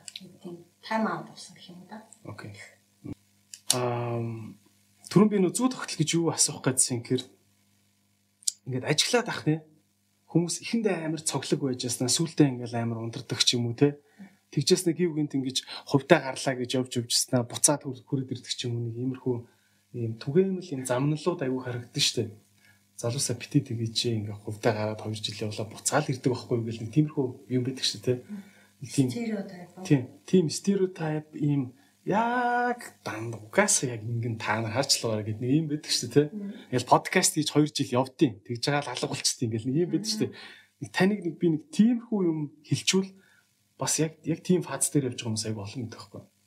Хүн биш үү тэгээ өөрийнхөө яваад тэр өөрийнхөө алдаануудыг даваад тэгээд үтсэн юм чинь хамгийн үнцэнтэй байдаг байхгүй. Тэр хин нэгэн одоо ухаантан гэгэрц хүний хэлсэн зөвлөгөөнөөс илүү амьдралын сургамж болох байхгүй. Тэгээ явах хэрэгтэй. Ер нь хориглох буруу л да. Хүн хүнд хэрвээ тухайн үед нь яг тийм орон зай хэрэгтэй гэж мэдрээд байгаа бол тэр явуулах хэрэгтэй. А тэгээд хийх хэрэгтэй тэр одоо хүсэж байгаа юм. А тэгээд ерөөсө амжилтанд хүрэх байж тээ. А хоёр юм байдаг байхгүй юу? Хоёр хүчин зүйл. Багцлал хэлэх юм бол энэ бол зөвхөн краш курс гэдэг шиг тий. А юу гэхлээр нэгдүгээр төвлөрөл гэж байгаа. Фокус. Төвлөрөл. Чи нөгөө малти таск маск гэл нэгэн зэрэг олон юм гэл. Гэхдээ чиний жишээд биш л тий. Яг нэг юм дээр хийж байгаа та Тэгэл олон тийшээ ингээл савчаал биш те. Яг тэр нэг юм дээр төвлөрүүлж ажил гэдэг. Тийм байхгүй. Хоёр дахь нь юм гэхэлэр ерөөсөө тэр нөгөө юу гэдэг байхгүй. Аа дуршил. Хэрвээ чи дуршил баахгүй болвол дээ те. Чи ста нэрэ яаж ч одоо чамд юм чинь бэлдэж өгөөд эсвэл гой баг байгаад ч гэдэм эсвэл супер санаагаад тэр юм чи явахгүй л байхгүй. Тэгэхээр чи тэр юмда дуртай байх хэрэгтэй. Дуртай байжээж нөгөө үйлдэлүүд хийгдэх байхгүй? Тийм. А үйлдэл чинь юу болох вэ гэхээр давтамжтай олон дахин үйлдэлүүд чинь нөгөө дадал болоо дадал чинь тэгэл эцсийн бүлэгт амжилт гэж байгаа байхгүй? Нэг юмыг 100000 дахин удаа хийчихвэл тийм мастер болчих гээд байна гэж тийм. Нэгсэн амар ярьсан шүү дээ. тэр 100000 ч юу юм. Гэхдээ ер нь бол те яг тэр нөгөө success гэдгийг бол амжилт гэдгийг бол маш гол амжилт хүртсэн дэлхийн түвшний хүмүүс юу гэж хэлдэг вэ гэхээр өдөр тутмын эсвэл автомжтой үйлдэл гэдэг. Дараа нь хаад гэж сонсч ирсэн үү? Үгүй. Америкийн маш алдартай success coach байхгүй. Эсвэл хүнийг аваад би амжилтанд хүрмээр байна гэсэн хүнийг л аваад амжилтанд хүргэдэг. Тийм одоо нөгөө юу биш тийм мэдлээ шүү дээ. Тийм, коуч гэж тийм манай нэвтрүүлгээр success coach. Success coach тийм. Success coach. Тэгэхээр дараа нь хаарч бол маш амжилттай саятан тэгээд өөрөө нэг маслын пирамидын бүх юмыг гүйцэтгүүлсэн. Тэгээд одоо ингээд өгөөд яваад байгаа байхгүй. Тэгэхээр зүгээр биш үү? Мэдээж төлбөртэй маш өндөр өртөгтэй. Тэр хүн бол бид нар нэг олон улсын хурал дээр очиход гаднаас заримдаа тийм юм авдаг байхгүй. Коучуд авчих тийм. Тэгээд тэр дараа нь харзий нэг цагийн биднэрт краш курс бас Course байсан юм да. Тэрэн дээр болохоор нэг тийм асуулт асууж байгаа. За аюу engagement-тэй тийм юм тэгэл асууж байгаа. Амжилттай хүн амжилтгүй хүн хоёрын ялгаа нь юу вэ? Ойлгомжтой тийм ямар тийм асуулт асууж дээ. За тэгвэл амжилттай хүн амжилтгүй хүн хоёрын хоёр юугаараа төстэй юм бэ? юм бодчих. Биш ямар тийм асуулт. Юугаар төстэй гэдэг шал өөртөө тэр газар тэнгэр байна дээ. Гэсэн чи үгүй төстэй юм байдаг байгаа юм үзий яддаг гэж байгаа. Үзий яддаг. Дурггүй. Тэгсэн мөртлөө яадаг вэ? Хүснээсээ зулгааж агаад шүдээ зууж байгаа тэрийг хийдэг гэж. Тэгжээ чанжилтанд хүрдэг байхгүй. Заримдаа чи дурггүй хийх хэрэгтэй байдаг байхгүй. Because you have to improve. Чи сайжрах хэрэгтэй. Чи мэрэгших хэрэгтэй. Чи ялан дийлж гарах хэрэгтэй чи өөрийгөө сайн тэр талуудыг гаргаж ирэх хэрэгтэй. Тэгэд яаж гаргаж ирэх зүлгэж ижил гарч ирнэ шүү дээ. Зүгээр сууж байгаад нэг суурндаа бид юм гэж байхгүй шүү дээ. Тэгээ тэр юу хэлээд байгаа вэ гэхээр ерөөсөө тэр дадлал байхгүй. Шүдээ 100 угаасаар бол яах вэ? Супер шүдтэй бай тээ. Англи хэлийг өдөр болгон 10 үг давтсаар бол яах вэ? Супер англи хэлтэй болно шүү дээ. Ерөөсөө амжилт гэдэг чинь тэгэл дургүй юм а хий тээ. Yes. Окей. За сэргийгчтэй маш хэрэгтэй сэдвүүдээр л яриад байгаа. Би тэгтээ нэг зүйлийг бас илүү тодруулсанмаар байна л да. Ярианы маа төсгөлж ирж байна. Ер нь бизнесийн 80% нь борлуулалт гэж ярьдэн шүү дээ. Тэ? Чи ямар ч гоё мэдгүйж болно. Зарж чадахгүй бол тэгэл sorry тэр чинь бизнес биш. Тэгэхээр борлуулалтын нууц мууц гэж юм байна уу? Одоо Oriflame-ийн бизнесийг ингээл хараад тахта айгүй олон юм зардаг шүү дээ. Борлуулалтын та нэг гоё ноу хав надад зааж өгөөч. Борлуулалтын гэж ярихаас илүү харилцаа гэж ярина л да. Ер нь бол ер нь бол а чи харилцаанд орж байгаа байхгүй. Чи борлуулж байгаа гэх чинь те. Чи өөрийнхөө одоо сэтгэл зүрх шингэсэн, оюун ухаан шингэсэн ч гэдэг юм. Тэр бүтээгдэхүүнийг хин нэгэн тэр бүтээгдэхүүн хэрэгтэй хүн чи үжаа гэсэн үг шүү дээ. Тэгэхээр эн чинь харилцаанд орж байгаа байхгүй. Win win гэдэг те. Яг яг гэсэн хож хож гэсэн харилцаанд орж байгаа байхгүй. Чи бүтээгдэхүүнээ борлуулж байна А тэр хүн маш тааламжтайгаар хэрэгтэй марж байгаа учраас шанд мөнгө өгөөд ингээд та хоёр харилцаа үүсгэж байгаа байхгүй. Hopefully тэр нэг удаагийн харилцаа биш байх хэрэгтэй байхгүй. Тэгжиж бизнес нэг өргөж штэ. Тэгэхээр юу шалтгаалдаг вэ гэхээр хоёр хүчин зүйл байна. Нэг нь уур амьсгал, нөгөөх нь орчин. Тэгэхээр орчин гэдэг чинь чи хин нэгэн хүнийг өөрийнхөө тэр одоо бүтээгдэхүүн татагдах тэр чи хүлэн зөвшөөрөх ч юм уу тэрний одоо байнгын хэрэглэгч болох тэр орчинд авчрах хэрэгтэй байхгүй.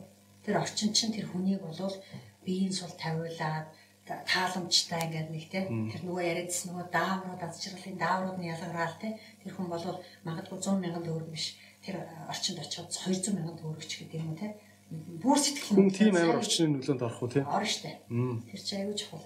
Одоо гараал явхад болвол те ямар орчин? Монгол үсээд байгаа вэ? Би болцсон байгаа вэ гэдгийг бол маш сайн мэдж байна. Гадаад явж ирсэн те. Ямар орчин чи илүү тааламжтай одоо байдгүй чамтай. Уур амьсгал гэдэг нь юу вэ гэхээр ерөнхийдөө тэр одоо харилцаанд орж байгаа хоёр хүн нэг нь болохоор тэр хүнийг яаж одоо тэр итгэлийн төрүүлж чадчихна те? Тэр чинь итгэл төрж ижил аав шүү дээ. Яг мэдхгүй юм чи үнэхээр энэ бүтээгдэхүүн нь одоо 50 жил хийгдчихсэн юм уу? Эсвэл юу ч юм те? Зам цавлсан ч юм билүү те. Тэгэхээр тэр уур амьсгал гэдэг нь яг юунаас эхлэх вэ гэхээр бүтээгдэхүүн танилцуулга тэр чинь цаана бол танилцуулга гэж ойлгож байгаа шүү дээ. а хамгийн эхлээд eye contact буюу маш нээлттэй. Одоо хүн лөө а харц а хитрхи маазрах биш. Хитрхи одоо бас ингэ тэ үрчих биш тэ одоо грамп гэдэг шүү дээ хүндэн царайтай байх биш. Нээлттэй доосыг тааруулсан тэгээд өдрөө хам eye contact хар нэмсгэлэн нэмтлэн. Тэгээд тэр хүний хэрэгцээг асууна. Өөрийнхөө баг бүтээгдэхүүнийг болтуулахгүй шүү дээ. Тэгээд тийм энгийн юмнаас л юм эхэлнэ л дээ. Нушгүй ярих хэрэгтэй. Тэр хүнд яг юу хэрэгтэй байгаа вэ гэдгийг нээлттэй асуултуудаар тодорхойлно гэсэн. Хүний хэрэгцээг. Нээлттэй гэдэг нь бол одоо нэг тийм үгүй гэдэг хариулт биш. Гүйгээр тий. А тэр хүнийг яриулахаар, яриулах төвшний тий. Аа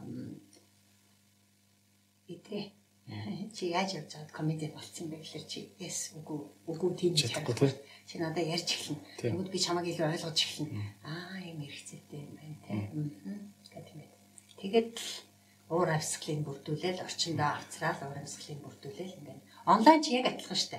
Чи нэгдэж гэн одоо яаж гэн чиний эргэн тойрны ч хүмүүс харна штэ.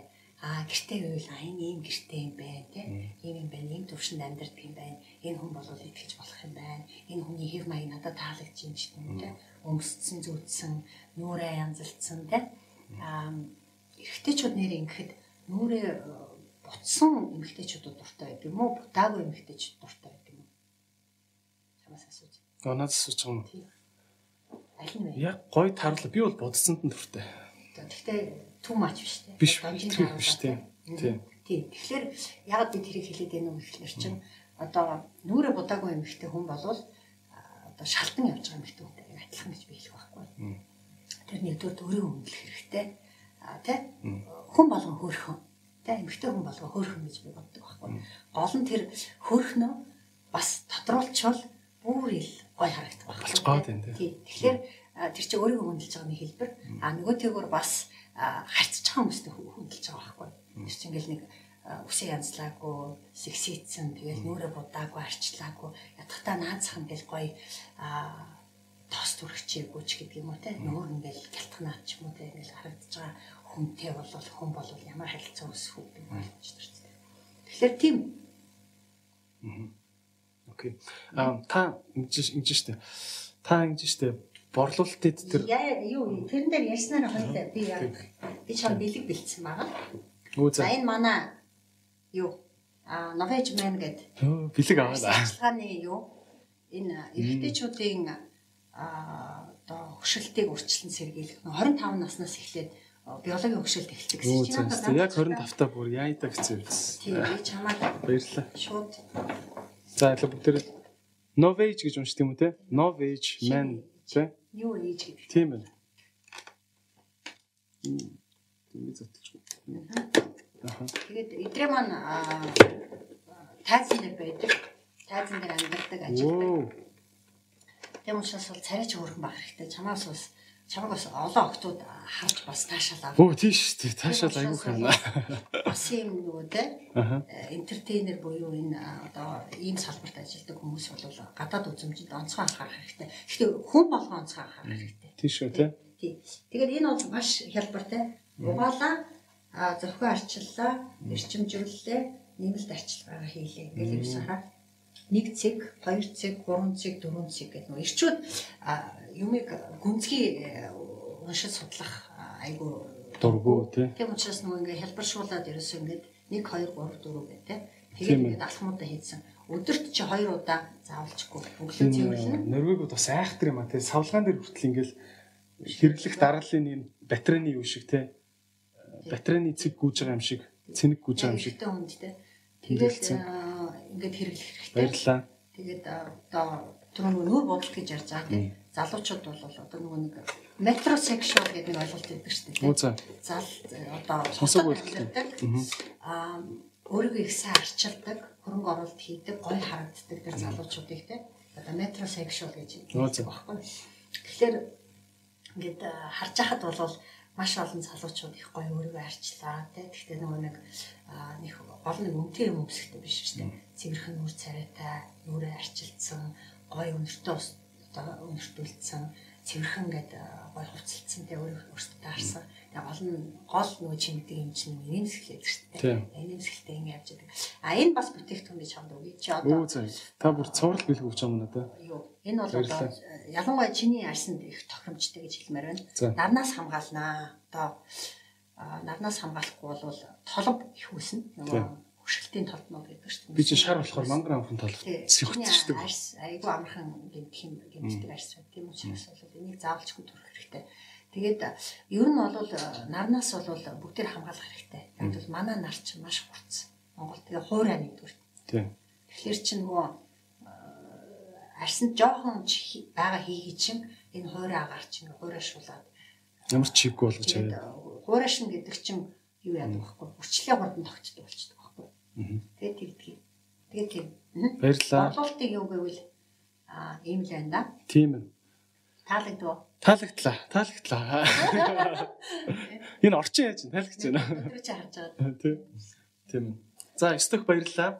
Тэгээд өнөөдөр бид бүхний зочноор Oriflame компани ерөнхий захирал Сэлэн гихч оролцлоо. Сэлэн гихчтэй маш их баярлалаа. Гоё ноу хауга бид бүхэнтэй харамгүй хуваалцсанд маш их баярлалаа чамд амжилт хүсье. Тэгээд бүү зогсоорой. Чиний хийж байгаа бүх юм болгон чинь чамд асар их тийм ухаарал, гэгэрэл тэгээд олон хүнд нөлөөлөхтэй боломжийг нээж өгнө гэдэгт би ч огтхон эргэлзэхгүй байна шүү.